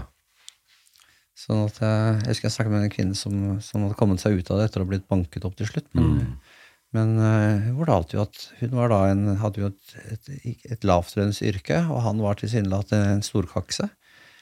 Men hver gang hun skulle til han, så, så ringte han og spurte om ikke hun kunne bare kunne kjøre innom og handle litt matvarer. Jeg mangler det og det. Eller kjøre innom og kjøpe Jeg mangler en genser. Eh, og det gjorde hun hver gang. Gjorde hver gang. Og det er eh, det er det som er så pussig. Ja. Hvorfor blir det sånn? Er det det som heter medavhengighet? Ja, kanskje det er, det er noe som, som gjør at du, du får en Ja, du, blir, du får en slags sånn Du får en slags underordnet rolle, da, i, i dette. Og, og det blir kanskje, kanskje det blir en sånn lett variant av dette Stockholm-syndromet også. Sant? Men kan det også være at det er mennesker som på en måte altfor snille mennesker, da, som typisk blir sammen med sånne, som vil hjelpe folk, som vil redde folk, som vil på en måte liksom Morsinstinktet, og stakkars han, han klarer ikke ta vare på seg selv, at du vil At det er veldig sterkt hos deg, da. At du skal absolutt redde mennesker. Og da la, la, til det Altså at du er empatisk til det selvutslettende, på en måte. At du ofrer deg selv for å liksom hjelpe andre som ikke egentlig fortjener å bli hjulpet, eller fortjener å bli reddet, eller At det er noe sånt noe da, som utspiller seg. Ja. Men så kan du også se, da, hvis vi, når vi snakket om Exit, så kan du se på konene til disse Exit-gutta. Ja. Mm. Det var ingen som tvang dem inn i disse forholdene der. Nei, nei, nei, nei. De så penger, de. Ja, Gull og grønne skoger. Og de ville jo ikke gå heller. Nei. De ville ikke det. De Det var mange goder ved å være i forholdet òg. Ja, og eh, det er også så, så Og de var jo ikke helt sånn moralens høyborg, de heller. De- Hun ene var jo kronisk utro. Og, Så det var jo på en måte litt samme ulla òg, da, kan du si. Selv om de kanskje ikke var like eh, utagerende med sine egenskaper som det mennene er. Men det er litt interessant, apropos det. Er det forskjell på en mannlig psykopat og en kvinnelig psykopat? Det er eh, jeg, jeg tror personlig tror jeg ikke det er det. Og eh, det er man sier jo at det er flere mannlige enn kvinnelige psykopater. Jeg personlig tror ikke noe på det. Jeg kan ikke skjønne hvorfor det skulle være flere mannlige psykopater enn kvinnelige psykopater. Og, og når man snakker om dette med testosteron og vold og sånn, så det er klart det er, det er vel kanskje det, derfor man ser på det. Man, det er lettere å avsløre, da, fordi det skjer sånne ting. Men øh, kvinner kan jo ha, bruke psykisk vold. Mm. Og de kan også bruke fysisk vold. Jeg, Mm. var, jeg jobbet noe, som sakkyndig for retten og, også en del ganger. Og, og jeg var også en sånn sak hvor, hvor moren til disse tre barna hadde utøvd så stygg vold mot disse barna over flere år. Det er ikke til å tro. Så det er liksom det er, Og mot sine, sine menn. Så, det er, så dette er en Men jeg tenker at en regel, i mitt hode i hvert fall, er det at uh, en psykopat gjør det som er nødvendig for å få goder. Og hvis det holder med å lyve og bedra og sjarmere og gråte, så gjør man det. Uh, hvis man må ty til sterkere midler, som å slå eller altså bruke vold, så gjør man det. Men det er ikke noen det er ikke noe, altså Man gjør det man må. Ja, det er ikke noen skrupler der, på en måte. Du gjør det uansett hva som trengs. For, det. fordi at det er snakk om en parasitt. Ja, ikke sant? En parasitt. Man må aldri glemme at det handler alltid om penger. Mm. Alltid. Eller makt og innflytelse, eller? Ja, men penger. Penger mest. ja. Penger er der. Ja. Altså goder, da. Ja. Men makt, ja, selvfølgelig. Dette med pol ja, Mm. Men jeg har hørt at uh, liksom, hos menn uh, En eller annen som sa det, at hos menn så heter det psykopati, mens den kvinnelige psykopaten så heter det ofte dette med borderline. Er det noe i det? At det, det er liksom den utgaven? Nei, altså Borderline er på en måte Det er en, en type personlighetsforstyrrelse som i dag kalles, i Norge i hvert fall, for emosjonelt ustabil personlighetsforstyrrelse. Mm. Og det er en type personlighetsforstyrrelse som er både hos menn og kvinner. Eh, Den er blitt mest kjent hos kvinner, fordi at den, eh, de kommer ofte inn eller ofte, i hvert fall ja, ikke sjelden inn på sykehus med tatt tablettoverdose eller prøvd å kutte seg eller Altså et veldig dramatiske ting. Og så er det svart-hvitt-tenkning og, og veldig ustabil i forhold og temperament, og det er liksom det er mye sånn kaos. Mm. Så man trodde først at dette var en sånn kvinne en kvinnelidelse. Mm. Og hvor er mennene? Og så var det sånn at man begynte å undersøke det, og så fant man ut at mennene med denne diagnosen satt i fengsel, eller var det jo av overdoser. Ja, de var det, ja. ja ikke sant? Så, så det å ha en em, emosjonelt ustabil personlighetsforstyrrelse, de, det er mennesker som, som kan føle empati, og som, som, kan, som er ærlige, og som, som vil det beste, men som har problemer med relasjoner, rett og slett. Er det veldig vanskelig å behandle og sånt også, eller hvordan driver man mye med behandling der? Nei, Man trodde jo før at personlighetsforstyrrelse var noe som var der. Det hadde man lite å stille opp med. Men så har man jo også gjort undersøkelser som viser at, at mange av personlighetsforstyrrelsesdiagnosene kan man gjøre noe med i stor grad for å gå i terapi. Og også emosjonelt ustabil personlighetsforstyrrelse, så er det Får man seg i terapi der, så er det gode utsikter til at man bør bli bedre. Mm, så bra. For jeg hørte at, men, men psykopati, der er det egentlig ikke noe behandlingsopplegg hvis du er en psykopat. Det er ikke noe, det er ikke noe som kan hjelpe deg der. Hvis det var den, den typen, i hvert fall, den hvor det er snakk om at man har vært fra lite barn og sånn i en medfødt, lille, Ja. medfødt tilstand, så er det dessverre ikke det. Altså, sånn, har man ikke kommet fram med noen ting. Og man er jo redd for å ta det inn, fordi at de kan, man lærer dem heller triks til å Ja, ja, bli er flinkere. Ja, jeg har hørt det. At da, liksom, da kan de manipulere enda mer, for da vet de også hvordan en terapeut handler. Da vet de enda mer om psyken og hvordan det funker. Og det, det er liksom ikke noe håp i det hele tatt. Da. Men hvordan er det i forhold til dem som man kaller antisosial personlighetsforstyrrelse? Som man, det er vel det man bruker nå ofte for tiden, vel? Ja, antisosial eller dyssosial. Og det er, eh, det er en mer sånn grov eh, diagnostikk, vil jeg si, hvor det er snakk om at man har mange av disse trekkene, men også en del at man gjør en del kriminelle handlinger, og man har mangel på empati, mangel på anger. Eh, Man har, disse, man har disse trekkene, men det er en veldig sånn grov Og det, mange kan ha, i hvert fall delvis, en dyssosial personlighetsforstyrrelse. Det kan liksom det skal ikke så veldig mye til for å få det, men psykopati er egentlig en mer ondarta variant. Av en dysosial personlighetsforstyrrelse. Det er, en, det er vår hele, både handling og karakter Mm. er helt sånn uforanderlig og, og, og, og preger deg gjennom hele, gjennom alt du gjør. Mm. Gjennomgripende, liksom. Det er Mm, I alle relasjoner og alle, alle settinger.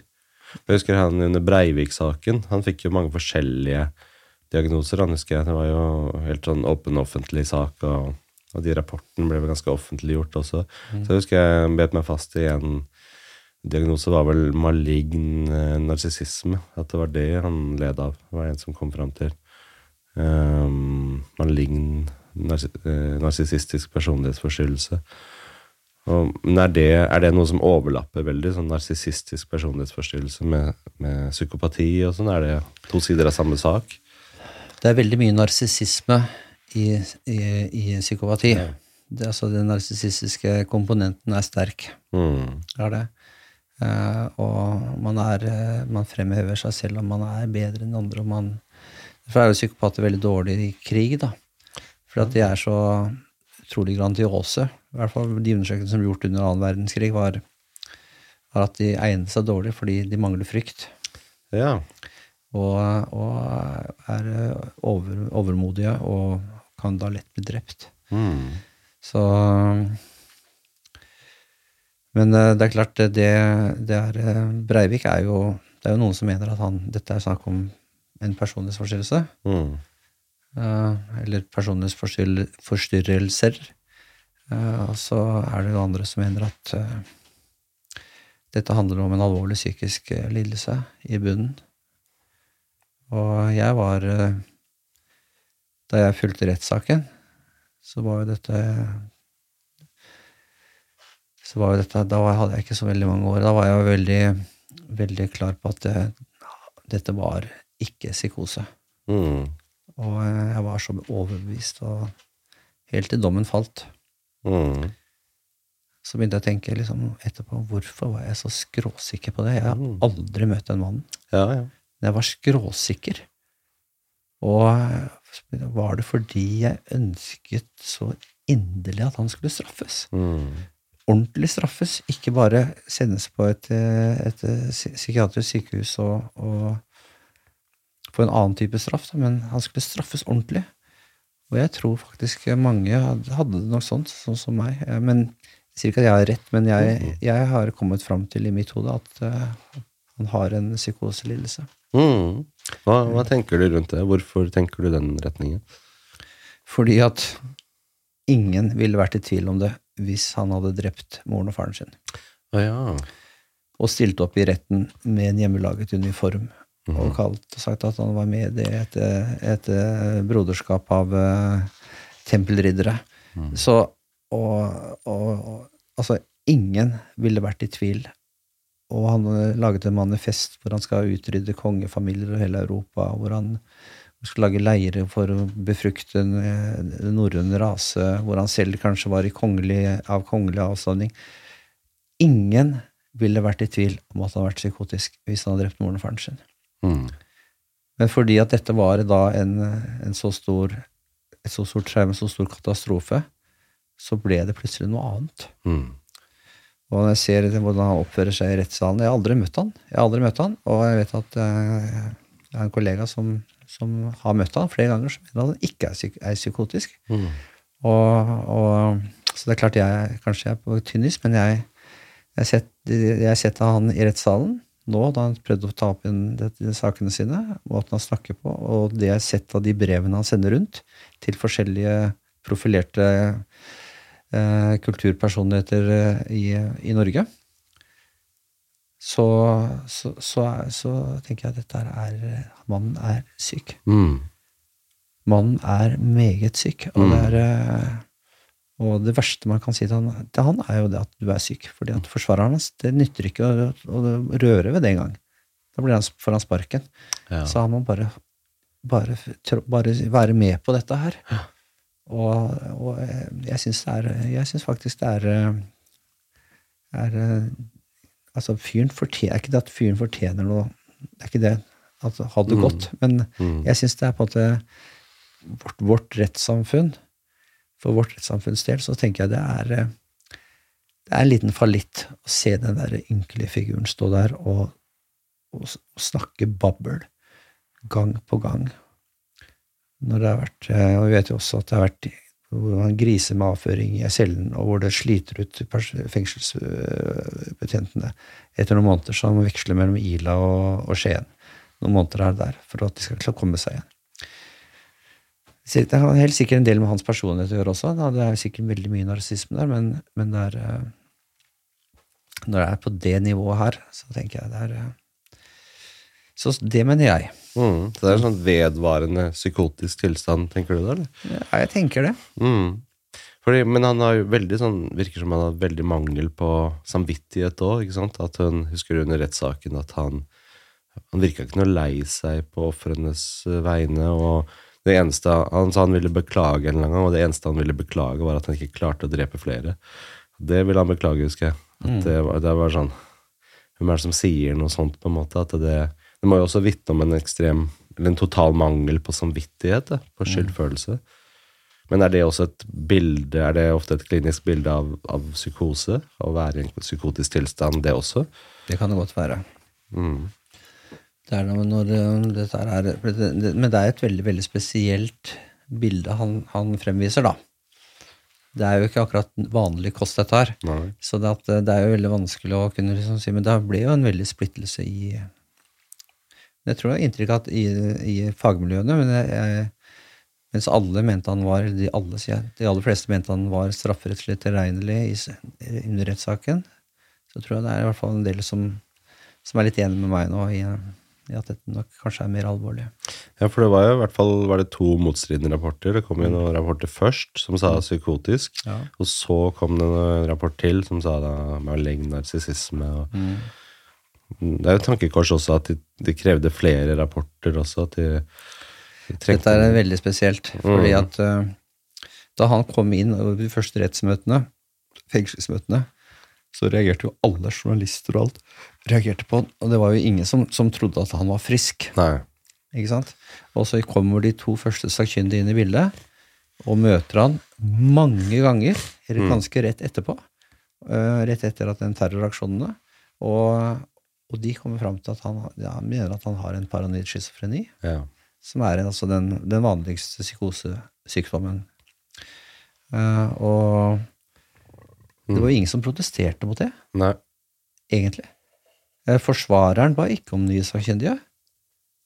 Eh, aktor ba ikke om nye sakkyndige. Men så går dommeren inn Ja, ja. og sier vil oppnevne nye sakkyndige. Det var dommeren som gjorde Det det. har jeg aldri opplevd før.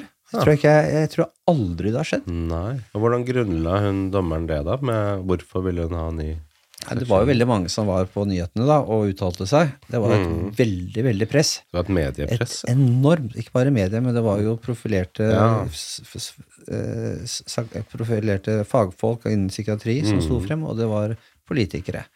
Jens Stoltenberg var statsminister. Han sa vel på TV også at han håpet at han eh, ble dømt til fengsel. Mm. Ja, det er litt spesielt. Er Blande seg inn som statsminister da. Før rettssaken har startet. Og spesielt i forhold til balansegangen mellom sykdom og strafferettslig å være tilregnelig, da. Fordi vi, i Norge så straffer jo ikke vi syke mennesker, eller Nei. folk som er psykotiske i gjerningsøyeblikk, eller som ikke kan gjøre rede for seg selv. Så da, og da i tillegg ha en statsministerpost, og så blande seg inn politisk i Det er veldig sånn overskridende greier, da, inni de, de grensene der, da. Det er det. Så, men han heter jo Jens Stoltenberg, og han slipper unna med alt uansett. Ja, ja. Men, Men vi skal eh, ikke diskutere det, altså. Nei, nei.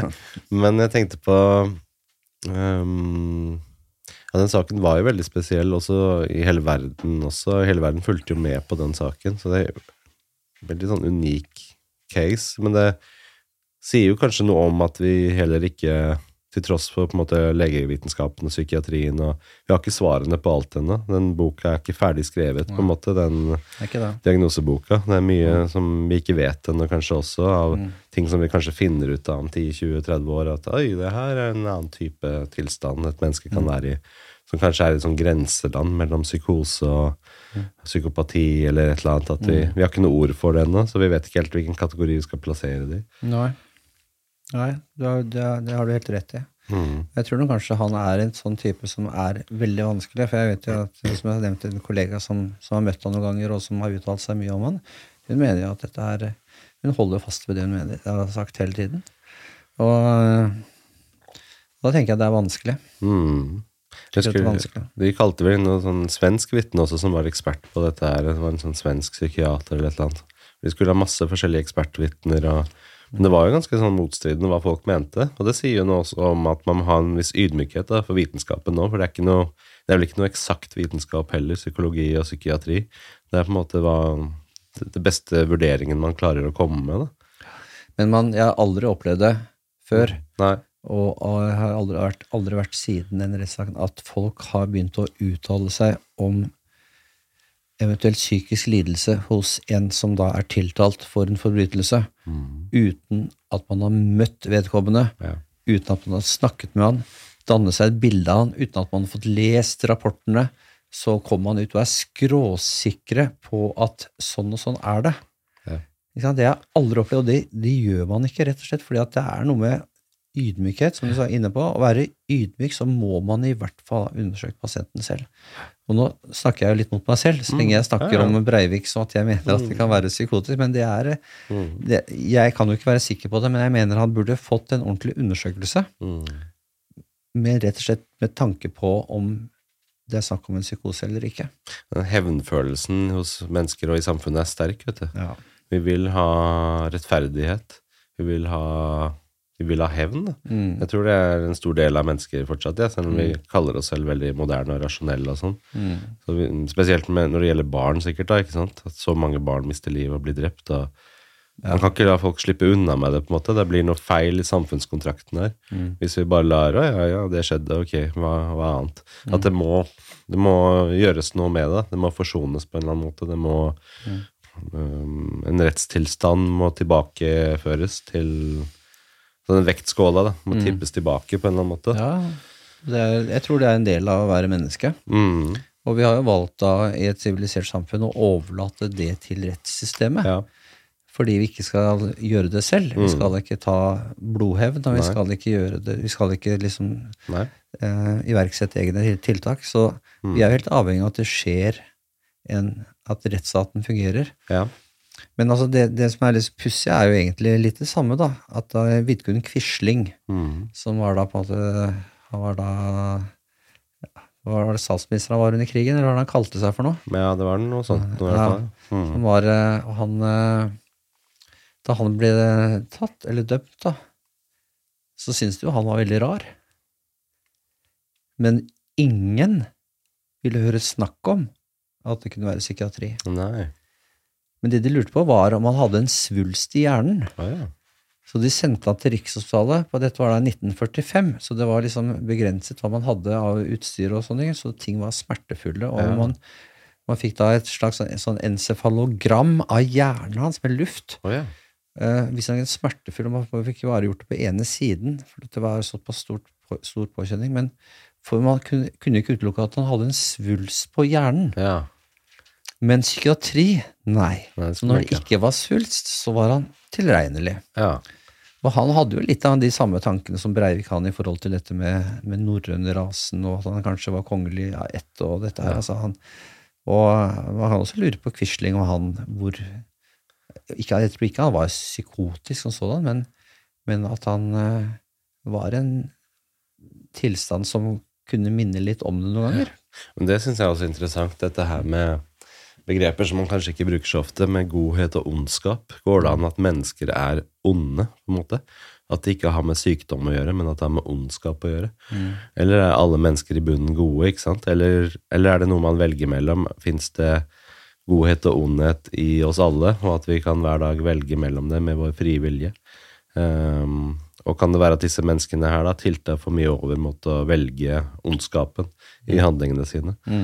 Er det noe, hva tenker du, Fins det noe som heter ondskap i oss mennesker? Mm, ja, absolutt. Jeg tror det fins mye ondskap i oss, jeg tror, og jeg, det tror jeg ligger der. Og jeg tror det må jobbes med hele tiden, og vi gjør det nok på det ubevisste planet. Jobbe mot det. Eh, for å ikke ta I hvert fall når man blir litt moden, og, og sånn, så skjønner man at eh, her må jeg reagere på en annen måte, eller her jeg, kan jeg ikke gjøre det, og, og dette med hevn er det, det passer ikke. Skjønner du, det er, det er en del eh, Altså, jeg tror det, det ligger der latent, og eh, jeg tror at, at vi vi har denne, både den, den kulturelle og samfunnsmessige ballasten vår, men også at vi har stort sett hatt eh, normale oppvekstvilkår. da. Og så jeg tror at det er jeg tror at, eh, Men at det ligger der, og at det kan aktiveres under gitte forhold. Hvordan, tror du, hvordan, hvordan hadde du og jeg blitt hvis, hvis eh, det hadde blitt en atomkrig, og vi, dette var da en sånn Mm. vi var en av de overlevende, og det var mangel, og vi måtte beskytte barna våre. Vi måtte skaffe mat til barna våre. Mm. Hvordan hadde vi blitt da? Ja. Ja. Hvor langt hadde du vært villig til å gå? Mye. Mye mer enn til vanlig. Mm. Jeg tror det er fordi hjernen vår er jo bygget opp sånn i flere lag. Det er vel tre lag. Og de to første er vel veldig sånn impuls- og følelsesdrevne. Det er bare topplokket på slutten der som er rasjonell, med det prefrontale. Og, og med en gang det tar kvelden, så er det vel ganske sånn dyrisk etter hvert at man blir mye mer et rovdyr. da. Um, og at vi, vi lurer oss selv hvis vi tror at vi som mennesker er så veldig rasjonelle og logiske. Det er vi bare hvis um, øverste etasjen av heisen er aktivert, på en måte, og den er til stede. Hvis den er offline, så blir vi som et dyr. Da. Og jeg tenker at i en sånn situasjon så blir det det primitive, det primære, som er viktig. Da tror jeg også vi har en sånn ganske selektiv empati. At vi har mulighet for det. At vi kan være empatiske, men vi kan velge å være empatiske med våre nærmeste, med familien vår. Og ikke så empatiske med den drapsmannen som er på vei mot deg med en kniv. At vi kan da Vi kan ende med å på en måte i selvforsvar drepe en sånn person. Og ikke nødvendigvis føle så mye på det, kanskje. At vi da evner å ha en selektiv empati. Da. Mm. Helt enig. Og det med ondskap det er ganske interessant også. for Vi tenker, Er det et bare mennesker som har ondskap? Er liksom, Dreper dyrene kun fordi de, de, de trenger mat? Og for å beskytte revirene sine? Mm. Og er det bare mennesker som har den egen evnen til ondskap? Så jeg så bare noen korte filmer om noen sjimpanser. Noen som har fulgt sjimpanser. Ja. Du verden. Det var mye ondskap der, altså. ja, de dreper bare for gøy, de. Ja. Ja, ja, de og, det. er, eh, det der var eh, det er, Og de står mennesket ganske nært Ja, i forhold til eh, arvestoff. Jeg tror det er en del av dyreriket også. Og Katter og sånn dreper jo mus bare for gøy. De spiser dem ikke engang, de bare dreper dem. Det er sport, liksom. At jeg tror det er en del av eksistensen vår. At den ondskapen er noe vi må kjempe mot eh, ofte, og bruke den frie viljen til å navigere. Men så tror jeg samtidig at det er en grunn til at vi kanskje både har godhet og ondskap. da. Fordi iblant så trenger vi å aktivere de sidene som man kanskje kan tenke på som ondskap. da. Som på en måte å slåss og kjempe og de krigerinstinktene og drepe og forsvare og aggresjon. Vi trenger de sidene òg, da. Hvis du er i en krigssituasjon, hvis du er i Ukraina da, og blir bedt om av myndighetene gå til ditt nærmeste gatehjørne plukke opp et maskingevær, sette deg i vinduet og skyte de russerne du ser. Forsvar familien din, forsvar hjemmet ditt. Altså, det er ikke vanlig å bruke de sidene av seg selv, da. Men iblant i livet så, og opp gjennom historien i verden og sånn, så har det jo vært masse kriger. og det er en grunn til at vi fortsatt har de egenskapene, tenker jeg. da, Litt sånn darwinistisk. Hvis de hadde vært helt uten å tjene noe hensikt, så hadde de blitt borte. Hvis de menneskene som hadde de sidene, ikke hadde vært fordelaktige, så hadde de blitt borte sånn evolusjonsmessig sett. Da. At det er en grunn til at vi fortsatt har kapasiteten til, til den type handlinger. Men eh, jeg tror også at de, det er mange som har lært seg å omfordelt eller, eller foredlet disse basale eh, responsene våre. At de er, er blitt, blitt eh, foredlet inn i hensynsløshet på andre områder. Så jeg tror at vi at vi som tenker, tenker litt sånn på dette som så, så alvorlig, vi, vi er fornøyd med at vi ikke gjør det, men så ser vi ikke da disse som faktisk fortsatt er der, men de bare bruker det på en annen måte. Mm, mm, ja, ja.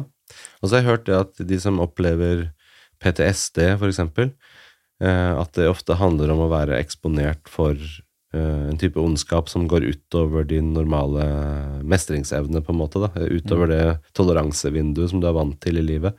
At du opplever en ondskap som du ikke har ord for. Men ofte at det også ikke bare handler om ekstern ondskap hos noen andre, men hos deg selv. Mm. At du blir overrasket over hvilke sider og, og kapasiteter som faktisk bodde i deg selv. Hva du selv var i stand til å gjøre. da. Mm. Eh, og at det kan gi deg på en måte mareritt. og Det er mye ondskap, og det foregår mye ondskap bak eh, hjemmets fire vegger, og, og det er eh, Så det er nok eh, Dessverre. Det er Jo, jeg tenkte på en ting mens jeg husker det. Dette med selvmord igjen, og la oss si at du er en Eller en nær og kjær, en bekjent eller en i nærmeste omgangskrets, og så er du bekymret for at noen uh, som du er glad i, eh, kanskje tenker i de retningene uten at de har uttalt det veldig tydelig, da, men du føler at her er det en som sliter, som jeg er glad i. Hvordan skal jeg forholde meg til det som venn eller som partner eller som nær, uh, nærstående? Er det noen sånn Hva tenker du rundt det? Hva slags råd kan vi gi til dem? Ja, nei, det er, det er Det er heller ikke så enkelt, jeg, fordi at Det kommer selvfølgelig an på hva slags relasjon man har til vedkommende også, da. Det kan være barnet ditt. Da. Ja, La oss si at det er mer en sånn voksenrelasjon, Ja. at det er en venn eller en partner. Da ville jeg jo Jeg ville jo forsøkt å snakke med vedkommende om dette, og sagt også at jeg var bekymret, og at jeg, ønske, jeg skulle ønske at han kunne ta imot hjelp, og at jeg skal tilby meg å hjelpe deg med å få noen å snakke med, og håpe da på at eh, vedkommende vennen din vil det, er villig til å snakke med noen. Jeg har inntrykk av at det er en del som også vegrer seg for å være med på sånne type eh, hjelpetiltak, og da er det jo mye verre. For da, da står man jo og stanger hodet mot veggen der også. At eh, man, ser at du, man ser at vennen trenger hjelp, men vennen vil ikke ha imot hjelp, ta imot hjelp. Men hvis, hvis, hvis vennen vil ha hjelp, så tenker jeg man må rett og slett bistå med å skaffe hjelp. fordi at, som vi snakket om i stad, dette med hvor skal man henvende seg? Altså Man blir stående, kanskje man går til fastlegen og får en henvisning, og så er det plutselig to måneders ventetid da, før man kommer inn på en poliklinikk. Det er mye som kan skje på den tiden. Sånn at jeg, jeg tenker at man skal ta det på alvor. Får man en følelse av akkurat dette, så skal man ta det på alvor. Og så skal man gjøre det man kan for at, at vennen eller den bekjente får den hjelpen. Og noe mer kan man faktisk ikke gjøre. Mm. Nei, man må erkjenne det òg. Man, kan ikke liksom, man kan ikke leve livet for andre, man kan ikke bestemme over andre. Men hvem er det man burde ofte henvende seg til? Er det sånn Jeg hørte et sånt råd at man kan ringe til fastlegen til den personen. Den personen sin fastlege, liksom. Og tipse om Melde bekymring. Ja, ja, ja. Ja, man kan ringe til hvem man vil og, og melde bekymring. Mm, Så det man, bør man ikke være redd for å gjøre. mm, Uh, og, og da kan det også være at uh, f.eks. bydelsoverlegen bestemmer at uh, her må vedkommende inn til undersøkelse, åkke som. mm. Så tvung, fatte vedtak om såkalt tvungen legeundersøkelse. Ja, det må vi snakke om. Tvang. Tvang i medisinen. Hvordan fungerer det, og hva er, hva er kriteriene på en måte for å bruke tvang? Jeg snakker du om medisin generelt nå, eller psykiatrien? Ja, eller psykiatrien kanskje, da. I det psykiatriske innenfor dette med f.eks. selvmordsrisiko og sånt. Hvor, hvor går grensen for når det er tvang, og når det er frivillig behandling? Du kan si sånn som i, i somatikken, da, så er det også mulighet til å bruke tvang. Der er, vil jo gjerne folk ta imot behandling, men det kan også være at man nekter noen tar blodprøver, og man nekter, øh, nekter å, å være med på diagnostikk, og man nekter behandling, som da man, og, og man kommer til å dø av det. Og da kan man i visse tilfeller si at, øh, at her eh, skjærer vi gjennom, og så fatter vi et såkalt 4A-vedtak, som det heter, og innen somatikken, og så gjennomfører man behandlingen. Eh, I psykiatrien så må vi forholde oss til eh, psykisk helsevernloven eh, konsekvent. Og vi kan også fatte såkalt 4A-vedtak når det er snakk om somatiske undersøkelser, men det er innen psykisk helse så er det psykisk helsevernloven. Og da har man mange muligheter til å kunne bruke tvang i, i psykiatri. Men hvor, eh, hvilke kriterier er det som på en måte skal være til stede? La oss si sånn som selvmordsrisiko, da. Hvis man er bekymret for at en person, eh, la oss si en ung mann eller ung kvinne, skal ta selvmord. Hvor går grensen mellom å si at ja, du sliter, men det er nok at du oppsøker hjelp frivillig? Og hvor går, hvor, hvor går den terskelen, da? Ja, det er et veldig godt spørsmål. For strengt tatt, hvis ikke personen er det vi kaller for psykotisk, så har man ikke mulighet til å bruke tvang. Mm. Uansett hvor dramatisk dette, kan arte, dette sykdomsbildet kan arte seg, så har man ikke mulighet for det. Psykose, det er Jeg Skal jeg si litt om psykose? Mm. Psykose er jo et, et ganske vidt begrep, og, og mange har jo tror jeg mange, mange vet, tror nok at de vet hva psykose er, men jeg tror ikke man egentlig vet det før man møter psykotiske mennesker. Og, og opplever på nært hold hvordan de, hvordan de utarter seg, eller kan utarte seg. Uh, og, men det som kjennetegner en psykose, det er at det er en realitetsbrist i større eller mindre grad. Altså en, en, eh, en endret forståelse av virkeligheten. Altså, så, så virkelighetsforståelsen din er ikke eh, adekvat. Den er ikke sånn som resten av verden opplever den. Og det er på en måte et slags sånn, tenker jeg, sånn grunn, en grunnsubstans i det psykotiske begrepet. Og så kan denne virkelighetsbristen den kan skyldes flere ting. Det kan skyldes at du har det vi kaller for vrangforestillinger, som altså er forestillinger som på en måte strider mot eh, både logikk og hva den øvrige kulturen rundt deg oppfatter som en forestilling. Eh, altså den er på en måte eh, også over i, i en, eh, altså over i en annen virkelighetsforståelse. For eksempel en, en, en vrangforestilling kan være at man hver gang man hører en sirene, så kan man tenke man at eh, nå må jeg låse dørene og ta en øks og stille meg bak døren, for at nå kommer de. Nå kommer drapspatruljen og skal ta meg. Og eh, så for at ikke de skal se meg, så teiper jeg en, eller klistrer en lapper på, på vinduene mine. Jeg demonterer elektrisk anlegget. Eh, kanskje vanner gulvet. Eh, altså, det er på at det, det er veldig mange ting som gjør at du vil beskytte deg selv. Eller en annen enda verre vrangstiling er hvis du føler at noen har plassert en chip i hodet ditt, og du blir styrt av en satellitt i verdensrommet. Mm. Det er to eksempler på, en, på vrangforestillinger. Så så alvorlig er det. Det er ikke bare at man tenker at uh, synes han, han smilte ikke, han liker meg ikke. Ja. Det er ikke en vrangforestilling. Ikke sant?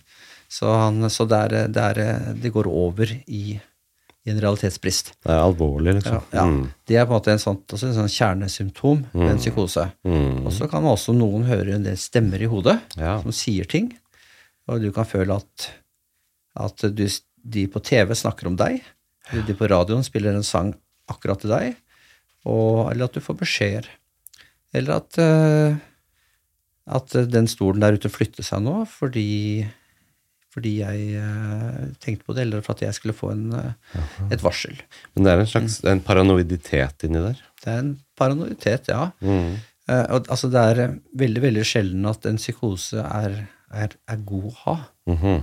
Det er veldig mye lidelse forbundet med det. Mye Fordi man, fordi man er redd veldig ofte. Man er redd. Og disse stemmer, de som har stemmer i hodet, det er ikke sånne hviskestemmer som regel. Det er kraftige stemmer. Og de sier ting som Du er et null. Du er en taper. Gå og heng deg. Og de sier det pang, pang, pang, pang. pang. Så at de menneskene som opplever det, holder ut, det syns jeg er utrolig godt gjort. Så de hører det som en reell stemme, sånn som de hører andre Skrikende stemmer. Er det sin egen stemme de hører, eller er Det det andre? være, det kan være forskjellig. Ofte er det andre stemmer. Kvinnestemmer, mannsstemmer. De sier hele tiden at du er et null.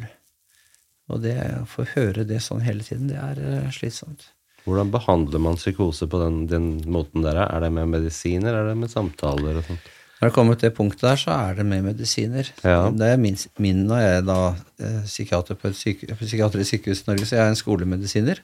For meg så er det, det er helt opplagt at det behandler man med medisiner. Og hjelper de medisinene på psykosene? Absolutt. Det gjør det, ja. Mm. Det gjør det.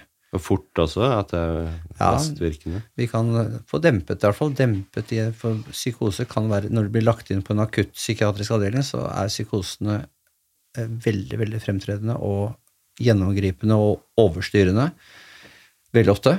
Og, og så det blir eh, Man er nødt for å gjøre noe ganske drastisk ofte. Så da vet man også hva det eh, hva som er eh, virkningsmekanismen, da, siden man vet at de pillene og medisinen fungerer på det. Da vet man også hva de medisinene treffer, og da kan man også si noe om hvorfor personen hører stemmer, og hodet, hvorfor de er psykotiske. Vet man liksom, Er det en overaktiv liksom, amygdala, eller vet man at det er det som utløser psykoser eller stemmene? Det er, eh, man, man har jo denne dopaminhypotesen, man sier, at det er et for høyt nivå av dopamin i hjernen, at det er en ubalanse, og at de medisinene blokkerer da reseptorer for dopamin. Sånn at eh, Det kan jo også igjen føre til bivirkninger da, når man gjør det. Så, men at man, man mener at det er an, helt, altså andre kjemiske substanser som er inne i bildet. Men absolutt, det er, flere, det er nok flere ting som er inne i bildet, men det vet man i hvert fall. Og, og det, det, det, det behandler man, så det er eh, med gode, gode resultater. Nå vet jeg det er veldig mange som hater eh, psykiatere og psykiatri, og særlig pga. medisiner.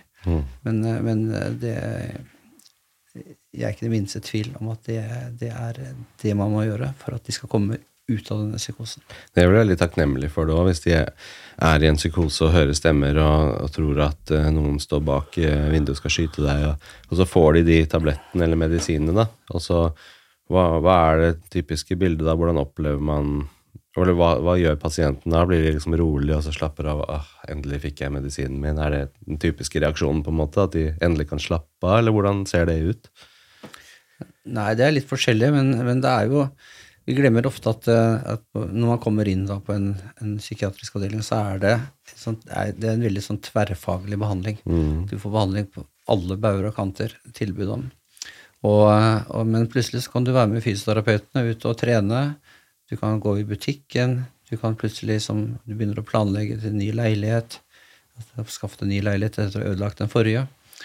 Eh, og, og du eh, begynner kanskje å snakke litt om hva skal du gjøre på fritiden, kanskje noe arbeidstrening. Altså Du begynner å planlegge, du begynner å se, ikke sant.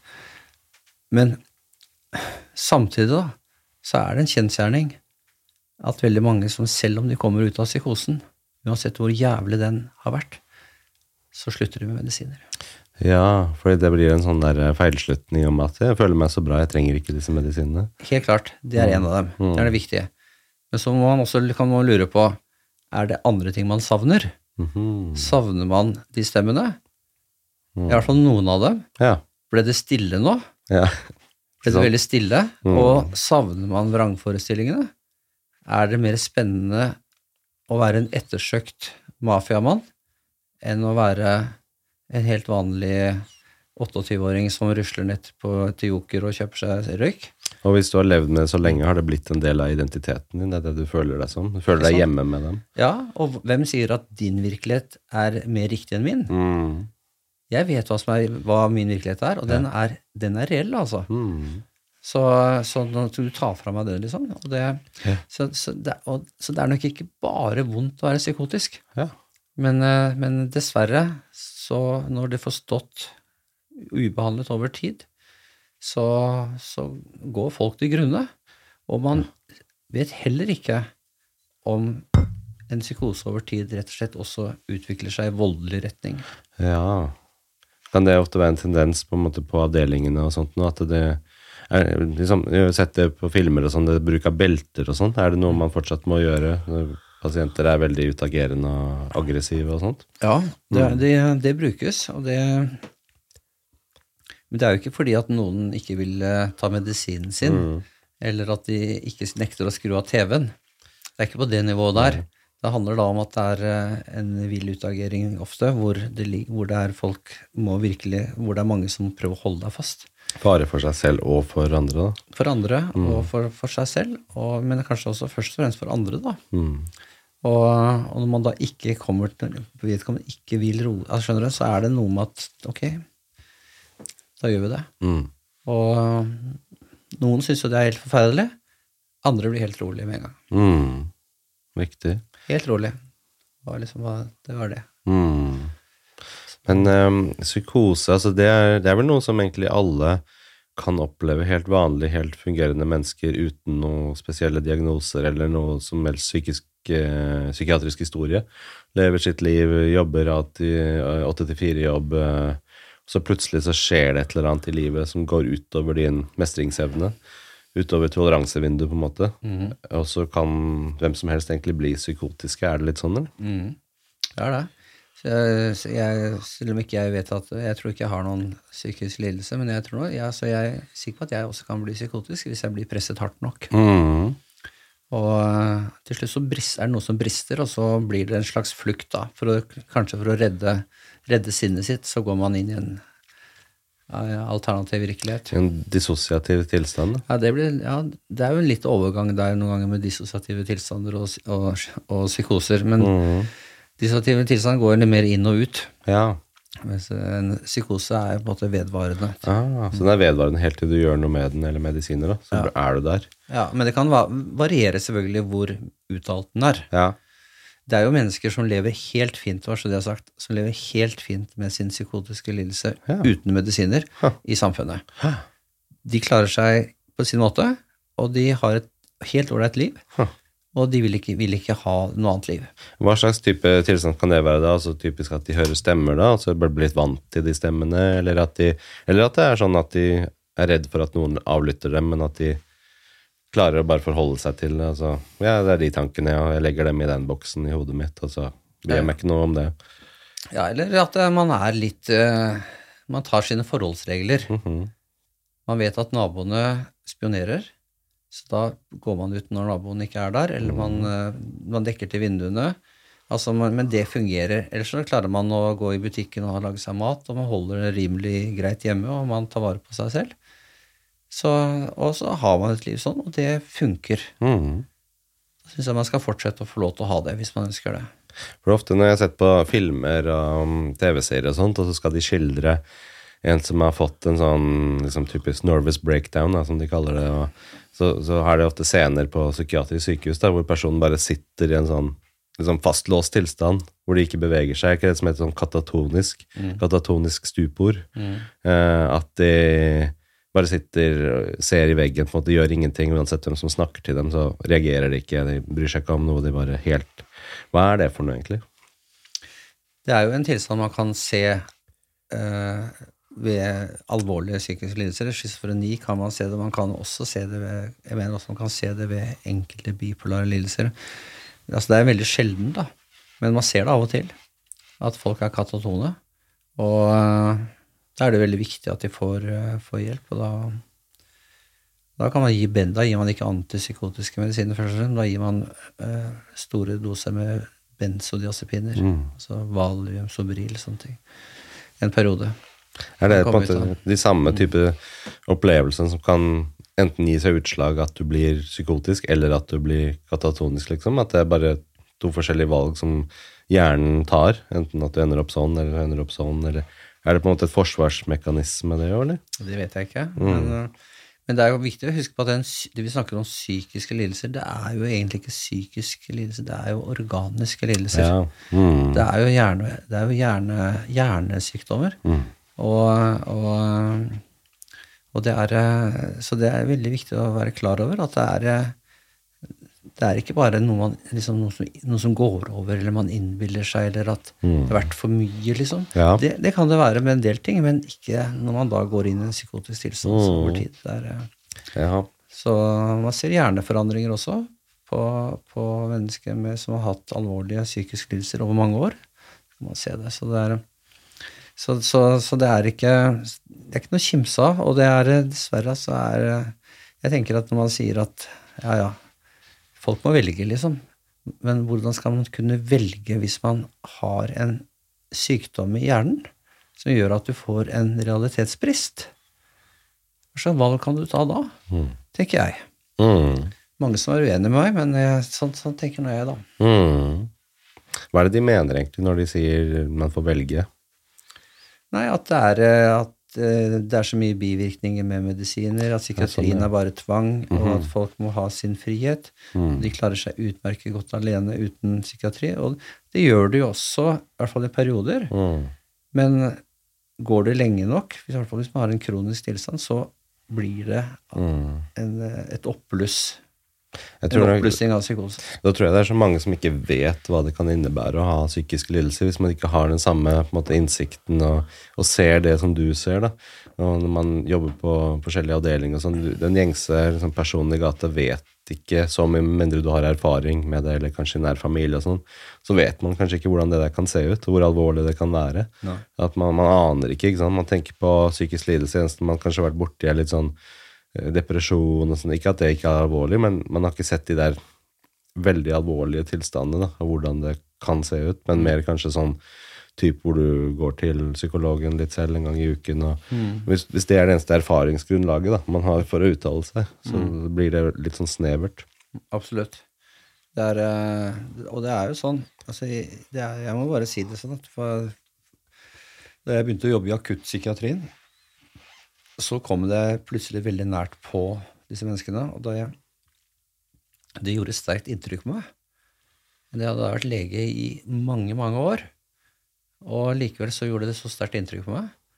Og det, da, hvordan det være for andre som ikke har som ikke har møtt mennesker på samme måte som meg, da, hvordan, hvordan skal de forestille seg hvordan det er? Det er jo veldig vanskelig. Ja, og det er interessant. Hvordan klarer du å legge det fra deg hvis du har opplevd veldig sterke inntrykk og sånt på jobb og som lege? og um, La oss si at noen har tatt livet av seg som kanskje var din pasient, og sånn hvis det har skjedd. og Klarer du på en måte å ha en sånn profesjonell distanse til det, at det er jobb, på en måte, men jeg, jeg lar ikke det påvirke meg på privaten, eller går det inn på deg uansett? Jeg tror jeg kommer veldig an på hva, hva som har skjedd, og hva som vært Hvis noe kunne vært forhindret, hva gjorde jeg en tabbe? Altså, jeg tror nok vi er veldig sånn til å gå inn i oss selv og tenke veldig på på, det, på kunne jeg ting, gjort ting annerledes. Her gikk det jo dårlig. Her gikk det galt. Så galt som det bare kunne gått. Så, så det er nok vanskelig å legge fra seg det hvis sånne ting har skjedd. Det er jo selvmord du er mest redd for, da. Men har, er dere flinke til å prate sammen kollegaene og ha debrifing og på en måte følge opp hverandre? Og er det vanlig på en måte for en psykiater å gå til psykolog selv og, og snakke ut på en måte litt sånn preventivt, litt sånn føre var, for å holde seg ved like som en sånn, som man kaller det, litt sånn um, forebyggende helse, da. At man hele tiden som psykolog eller psykiater så støter du på veldig vanskelige skjebner, uh, vanskelige hendelser, selvmord. Er det en god idé på en måte å gå forebyggende til psykolog og terapi selv? Ja, altså jeg mener jo at, eh, at man bør Skal man velge et yrke som psykolog eller psykiater, så bør man ha gått i terapi selv. Jeg mener, det er i hvert fall De fleste bør ha gjort det. Jeg har gjort det selv. og jeg, jeg, jeg gikk i noen år i terapi, og det er den beste investeringa jeg har gjort. Det må jeg bare si. Mm. Jeg skulle bare ønske jeg hadde gjort det mye før. Ja. ja, for man må nesten identifisere egne sider og sårbarheter og egenskaper for å kunne hjelpe andre, Eller så tar man vel med det liksom ubevisst inn i terapirommet. Mm. Ta med seg sine eh, fordommer og måter å tenke på. og Stereotypiske forestillinger. Altså, det er jo veldig lett å gjøre det. Mm. Uh, og, men jeg tenker også en sånn te- egenterapi er viktig for å kunne takle det, akkurat det vi snakket om, til å stå i disse vanskelige sakene og de situasjonene, og, og klare å se prøve å se det på en litt mer nyansert måte.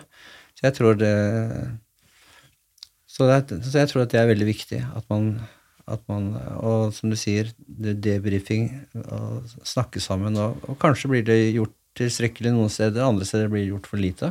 Mm. Jeg tror ikke det er noen eh, jeg tror ikke det er noe sånn gjennomgående at det blir gjort på helt riktig måte overalt. Det tror jeg ikke. Mm. Så Mm. Jeg har lyst til å ta opp en annen ting også. Psykisk og fysisk helse. Hvor sterk er eh, sammenhengen mellom de to? Hører de, hører de sammen, på en måte? Jeg får et inntrykk av at før så var det veldig atskilt. To forskjellige avdelinger, to forskjellige sykehusbygg, liksom. At det var liksom klart skille, men at det nå er på veien mot en mer sånn Man ser på kroppen og psyken som en helhet, og eh, to sider av samme sak. At det er mer sånn sammenheng, da. Eh, Er det sånn i, i din mening?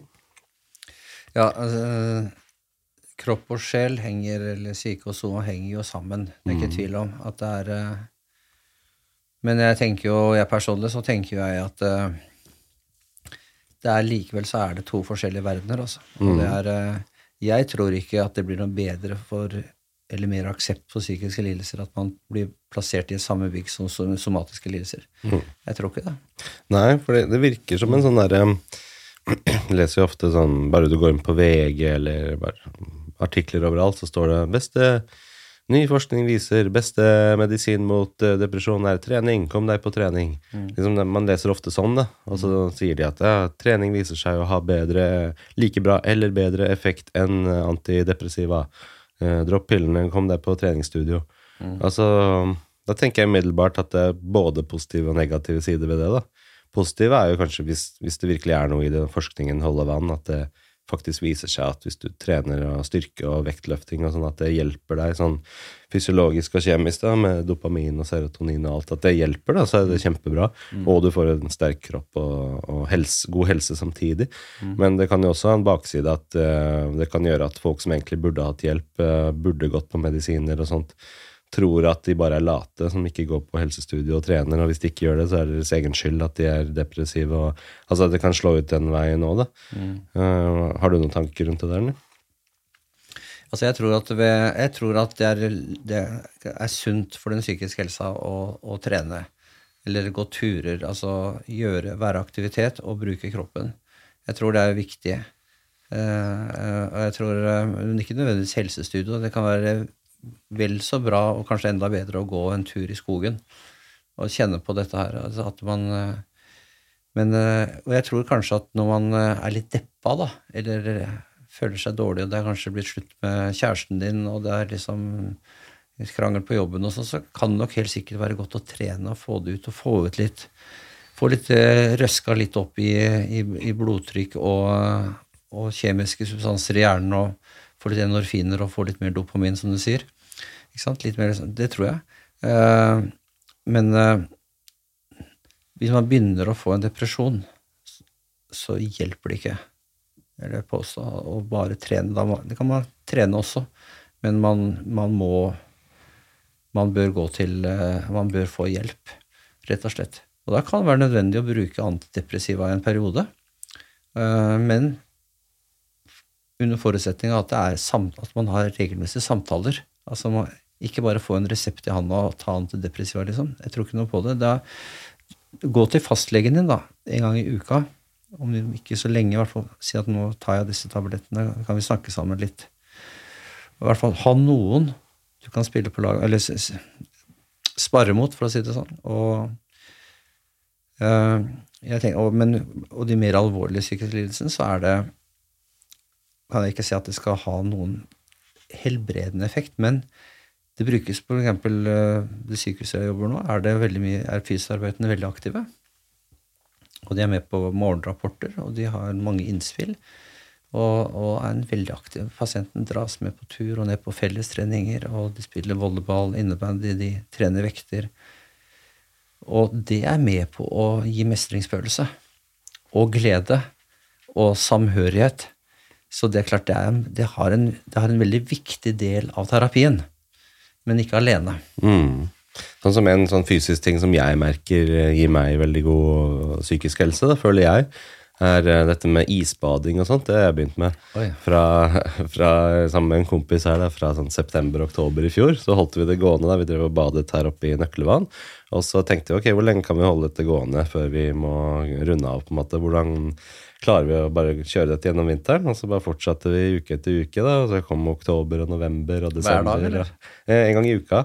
Eh, og da, men da kjørte vi kalddusjer hver eneste dag. Det har jeg gjort i et år eller to nå. Eh, hver eneste gang jeg dusjer, så kjører jeg kalddusj også i ett til to minutter. Helt på det kaldeste. da. Ett til to minutter. Ja, eh, også da Men altså, jo, holdt vi det gående, da, så hadde vi med øks til slutt i desember og hugget hull i isen. Og satt nedi der, da, minus 15 grader i lufta og ca. 0 grader i vannet. Så sitter vi der i opptil sånn ti minutter da, nede i vannet og puster og peser. Og. Men etter hvert da, så blir du så herda, da. Føler jeg at du, du, det spiller ingen rolle lenger. At du bare sitter der. Vi kunne føre en rolig samtale sånn som dette her. Ikke noe kuldesjokk, ingenting. Bare sitter der fordi kroppen er så tilpasset det. Du er vant til det. Eh, men etterpå da, så får du en sånn veldig sånn behagelig ro. Du får eh, hadde han legen doktor Torkil Færø her, som prater om at man da kommer inn i en parasympatisk modus. Eh, og at det er det som gjør at du blir så avslappet. Da. Så jeg satt jo her på kontoret med en puls på sånn 38-39 eller sånn, mens jeg satt oppreist og jobba. Helt sånn avslappet. sånn Men kan ikke det være farlig sånn rett etterpå for de, de som ikke er vant til det? Jo, får- det kan sikkert være. Sånn, ta med forbehold, ikke bare hoppe ut i isen når du hører på meg, men dette er, uh, dette er noe vi gjorde gradvis da, over Ja, lang tid. Um, men jeg gjør det også nede i byen på Sukkerbiten eller Munch-museet og Operaen. Så har man denne Oslo Badstueforening, og jeg hopper ut i vannet og så da hopp, veksler mellom dette utrolig kalde og det varme. Og da snakker man jo om dette som heter heat shock protein og cold shock protein, og hvordan dette påvirker serotonin og dopamin og noradrenalin og norepinefrin, eller hva det heter for noe. Det det- Ja, at det liksom påvirker da, masse hjernen din og sånn, som gjør at du da føler deg bedre, og du føler deg glad, og du føler deg avslappet, og det, det kan jeg skrive under på at det gjør du jo. Men også ikke bare der og da, men også utover hele resten av dagen, og egentlig det påvirker livet ditt veldig bra. Da. Så jeg har funnet veldig mye glede i det, i det kalde vannet. At uh, nøkkelen til mye, da, føler jeg, for, for min erfaring. Har det noen gang vært noe sånn behandling av sånn kaldt vann? og å, bruke det Eller vann i seg selv i psykiatrien og sånn. Jeg tror det er psykiatrien, eller det som var forløperen til psykiatrien, da, det har kanskje vært psykiatri sånn som vi kjenner det mer eller mindre de siste 200 årene. Men før det så tror jeg man, eller også da, fram til 1900-tallet og langt utover, så bruk, prøvde man litt av hvert. Ja. Og spyling med kaldt vann. Og altså, jeg, jeg, jeg vil ikke tenke engang på hva som har blitt forsøkt. Det er bedre og, hvis det er frivillig. i så fall. og det var vel ikke så mye frivillig, for man trakk tenner og man gjorde alt. Så det, er eh, men, jeg, men nå er det ikke veldig inn nå med Jo, sånn isbading? Det er jo det. Jeg følger en sånn fyr som heter Wim Hof, som er fra Nederland, som uh, mener at dette er nøkkelen til uh, det meste. da. Men det som er interessant med han, er at han er ikke helt sånn kvakksalver. Han lar seg frivillig undersøke av eh, medisinske fagmiljø og sånn, og med masse tester og masse eh, overvåkingsutstyr da, på han for å finne ut hva er det egentlig som skjer, hvordan får han til dette her. Han løper jo tror jeg, opp Kilimanjaro i bare shorts, barbeint. Løpe opp der og løpe ned igjen. Være en Frank Løkan, altså. Ja, ja, sånn helt sånn Og viser da han kan sitte i en tank med isbiter i flere timer, og uten at kjernetemperaturen går ned, men tvert imot går oppover. Og han beviser da mye med pusteteknikk og sånn her, hvor mye man kan styre psyken sin, og hvor mye du kan styre fysiologien din, osv. Så, videre. så jeg er veldig fascinert av det der. Og, og også fascinert av hvor mye man kan tåle som menneske, eller hvor mye du kan bli vant til. da. Og til det punktet at det er ikke noe problem for meg å gå ut i vann som er null grader kaldt, uten noe som helst reaksjon på det. Bare så går jeg ut og setter meg i det, og at det går helt fint. Men eh, kan jeg spørre deg, hva er det du, merker du det sånn i dagliglivet i forhold til humør, i forhold til søvn, i Ja. forhold til eh, tålmodighet? Jeg føler det. jeg føler det, at det, at det smitter over til andre ting også. Det er også en sånn mental styrke i det, ikke sant? Spesielt i starten. At, at det blir en sånn mind over matter-greie. fordi alt i kroppen forteller deg jo at dette her vil du ikke gjøre. Men så må du overstyre det da med, med, med viljestyrken din. At jo, dette er det som skjer nå. Det, er, det her er det vi skal gjøre. Og den treningen der, da, kanskje av den mentale styrken, jeg føler at den smitter over til andre ting også. Men også det å tåle ubehageligheter, og så søke det som er ukomfortabelt. Ikke bare hele tiden søke det som er komfortabelt. Men jeg føler at hjernen vår gjør jo det primitivt sett. Den vil bare ha sukker og sjokolade og ligge på sofaen og spise potetgull. Det er det eneste hjernen forteller deg. Komfort, komfort, komfort. Søk det. Men å da stå opp mot det da, og så si nei, vi skal ikke ha noe komfort i dag. Vi skal ha det ukomfortable. Vi skal søke det fordi det vil også gjøre det lettere, sånn som vi snakket om i stad, når livet ditt blir ukomfortabelt, så er du vant til å stå i det ukomfortable og tåle det, tolerere det. Litt sånn askese, altså sånn Ja, asketisk. ja. og forholde seg til det, da. Eh, og jeg føler at det hjelper også da i situasjoner som kanskje er ukomfortabelt, så jeg er vant til å trene opp den styrken og tåle det, da. Um, så jeg føler at det hjelper da både psykisk, men også fysiologisk, og jeg blir jo aldri kald lenger, eksempel. Jeg kan gå ut på vinteren i bar overkropp, spiller ingen rolle hvilken temperatur det er rundt meg. Um, Blir du ikke forkjøla lenger heller? Nei, jeg blir ikke det heller. Fordi kjernetemperaturen går ikke ned. ikke sant? Den holder seg ved like. Og da eh, De snakker jo om det medisinsk sett, at det hjelper veldig mye i forhold til immunforsvaret ditt, f.eks. Og det hjelper i forhold til regulering av um, hormoner og søvn og alt mulig rart. Da, som. Det er en dansk forsker som heter Susanna Søberg. Eh, doktorgrad eh, eller et eller annet, som har skrevet en bok om det som heter Winter Swimming. Hun reiser rundt nå og prater mye om dette, foredrag og sånt noe. Um, så det er jo veldig tid nå, men jeg tror det er mye i det. Altså, I hvert fall sånn subjektivt. Det er jo placebo òg, sikkert, men placebo har jo også en effekt. Ja, ja, ja. Og hvis den kan brukes til noe positivt, så er det noe i det òg, kanskje.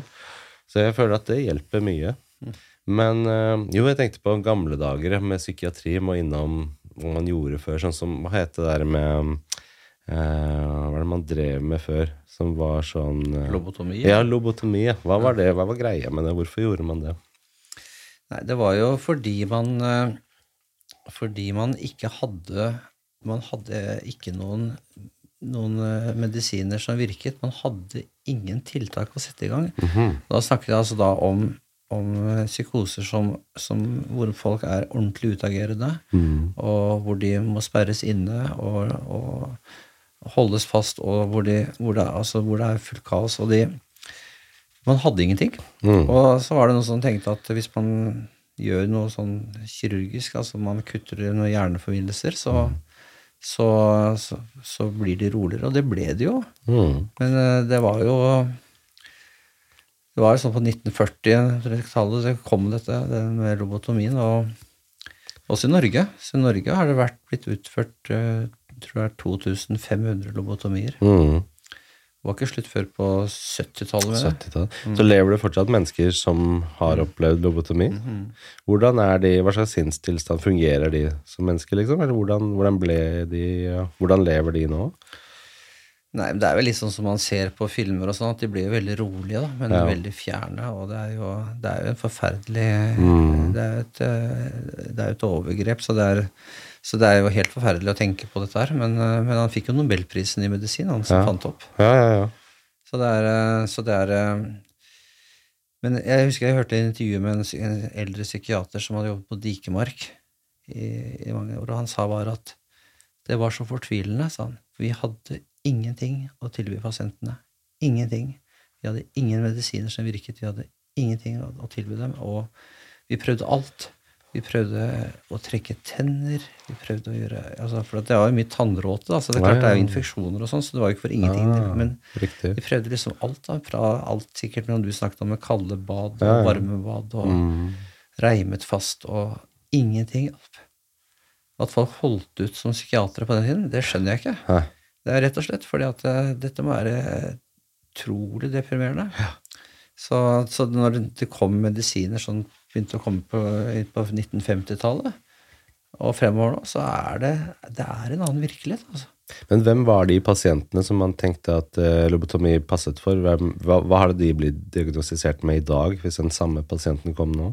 Paranoid schizofreni, eller type schizofreni. Kanskje hebefren schizofreni, altså man har det sånn ungdomsschizofreni som Ja. har vært der tidlig.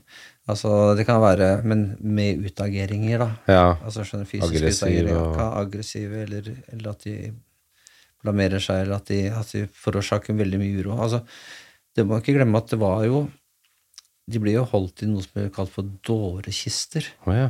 i gamle dager, hvor, det var, eh, hvor de var lenket fast i sånne små rom. Og, eh, og der sto de. I, i, det var livet deres. ja.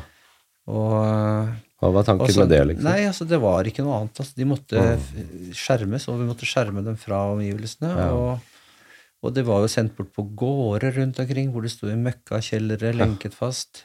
Det er eh, Altså, det har vært litt av en, eh, en lang prosess, dette her. Ja. Og så var det han eh, major Wedel som eh, i Norge, en ung eh, lege som, som hadde veldig Han tror han hadde en kjæreste, Kjæresten hans tror jeg hadde en alvorlig psykisk lidelse, kanskje derfor han ble så interessert i det. Men, men han tok fatt og laget et lovverk, eller i hvert fall lagde utkast til et lovverk som, som, eh, hvor man måtte snakke om ta vare på dette som, disse menneskene som ordentlige mennesker, og verdighet. Ja. Og han fikk, eh, fikk norske stat til å bygge Gaustad sykehus i 1855. Og da var jo ikke Norge noe rikt land, akkurat. Det var mye de skulle bruke penger på. Og brukte da bygde Gaustad sykehus med 300 sengeplasser på en gård hvor alt, de skulle være selvforsynte med mat. De skulle ha verksteder, de skulle ordne ting. Og det var det, den behandlingen som hadde 300 sengeplasser. I 1855, og nå i år 2023, så har ikke Norge penger til å ha sengeplasser for disse menneskene. Så de legges ned hele tiden. Hele tiden legges det ned sengeplasser. Og, og det, er, det er ikke lenger langtidsplasser. Folk som trenger tid. Det fins ikke. Hvorfor ikke? For det er for dyrt, så kanskje. Men for Fordi- dyrt for hvem da? For den norske stat, som er så fattig. Det er sånn vanskelig å forstå. da. Du sier, 1855 hadde vi 300 sengeplasser, og nå har vi ikke råd til noen omtrent. Det, og det var starten. Og så kom det jo flere og flere sykehus da, Ja. utover 1800-tallet og Ja. begynnelsen av 90-tallet. Svære sykehus. Enorme sykehus. Og Gaustad på 1900-tallet så, så var det for liten plass. Ja.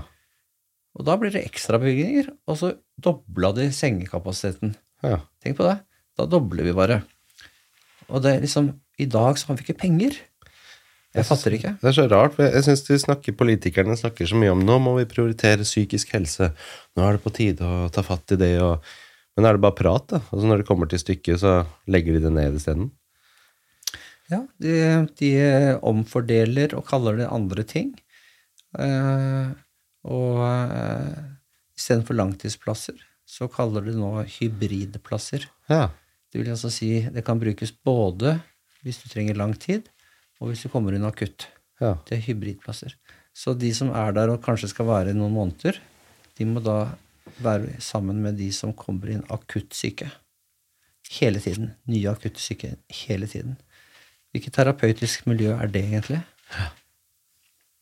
Så det er eh, Jeg har fått- jeg har sånn. fått jobbet på noen steder hvor det har vært for folk kan være over tid. Ja. Og når du ser den enorme bedringen de får, Ja.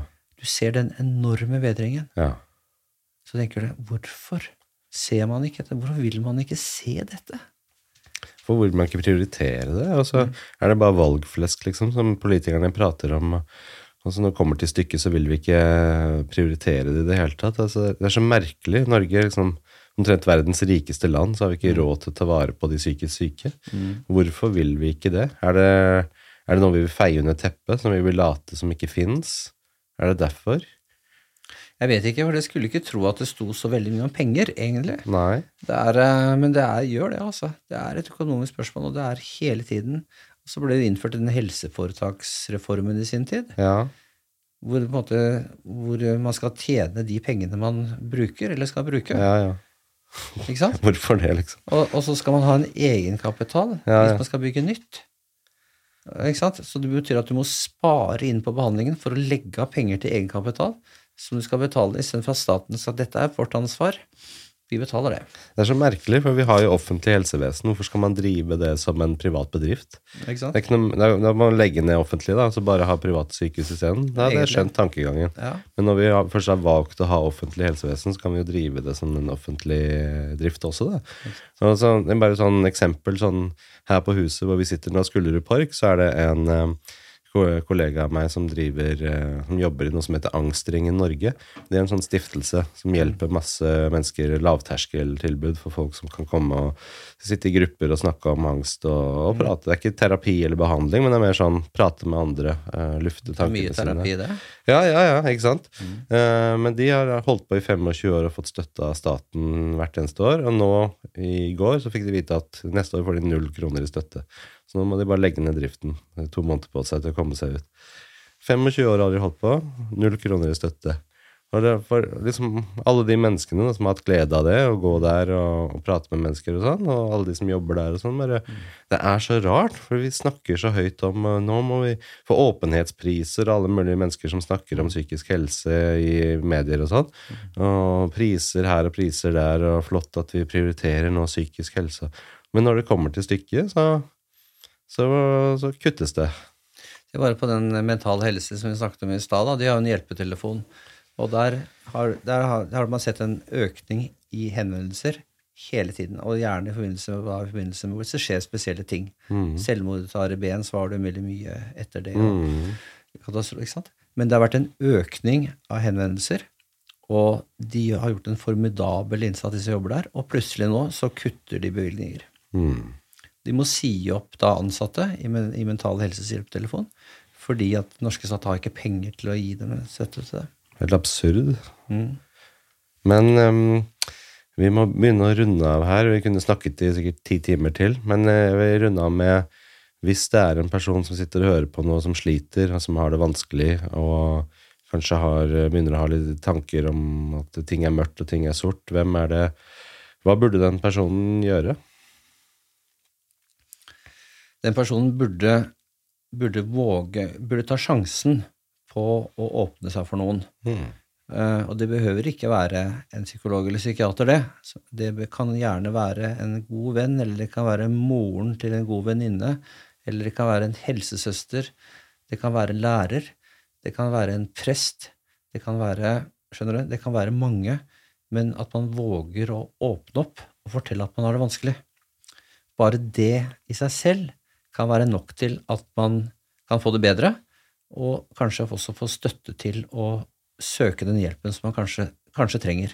Men kanskje det er nok også at man får snakket med noen voksne eller fått noen mennesker man er litt trygg på, og få bli møtt på at man har det vanskelig. Våge å være åpen om det og fortelle det til Ja. noen man stoler på. Ja. Og, og ikke tenke som sagt, ikke tenke at jeg må til en poliklinikk, eller jeg må ditt og datt. Tenk, tenk heller hvem er det jeg faktisk stoler på, som jeg tror kan høre på meg.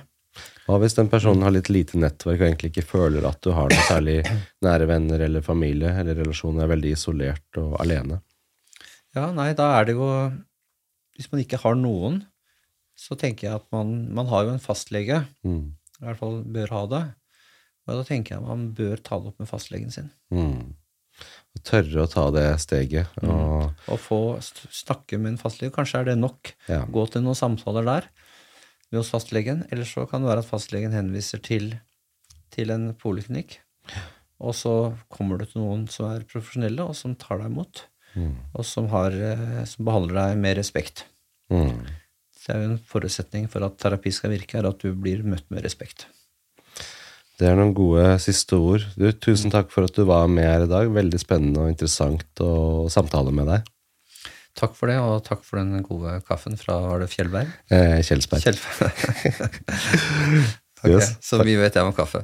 takk for i dag.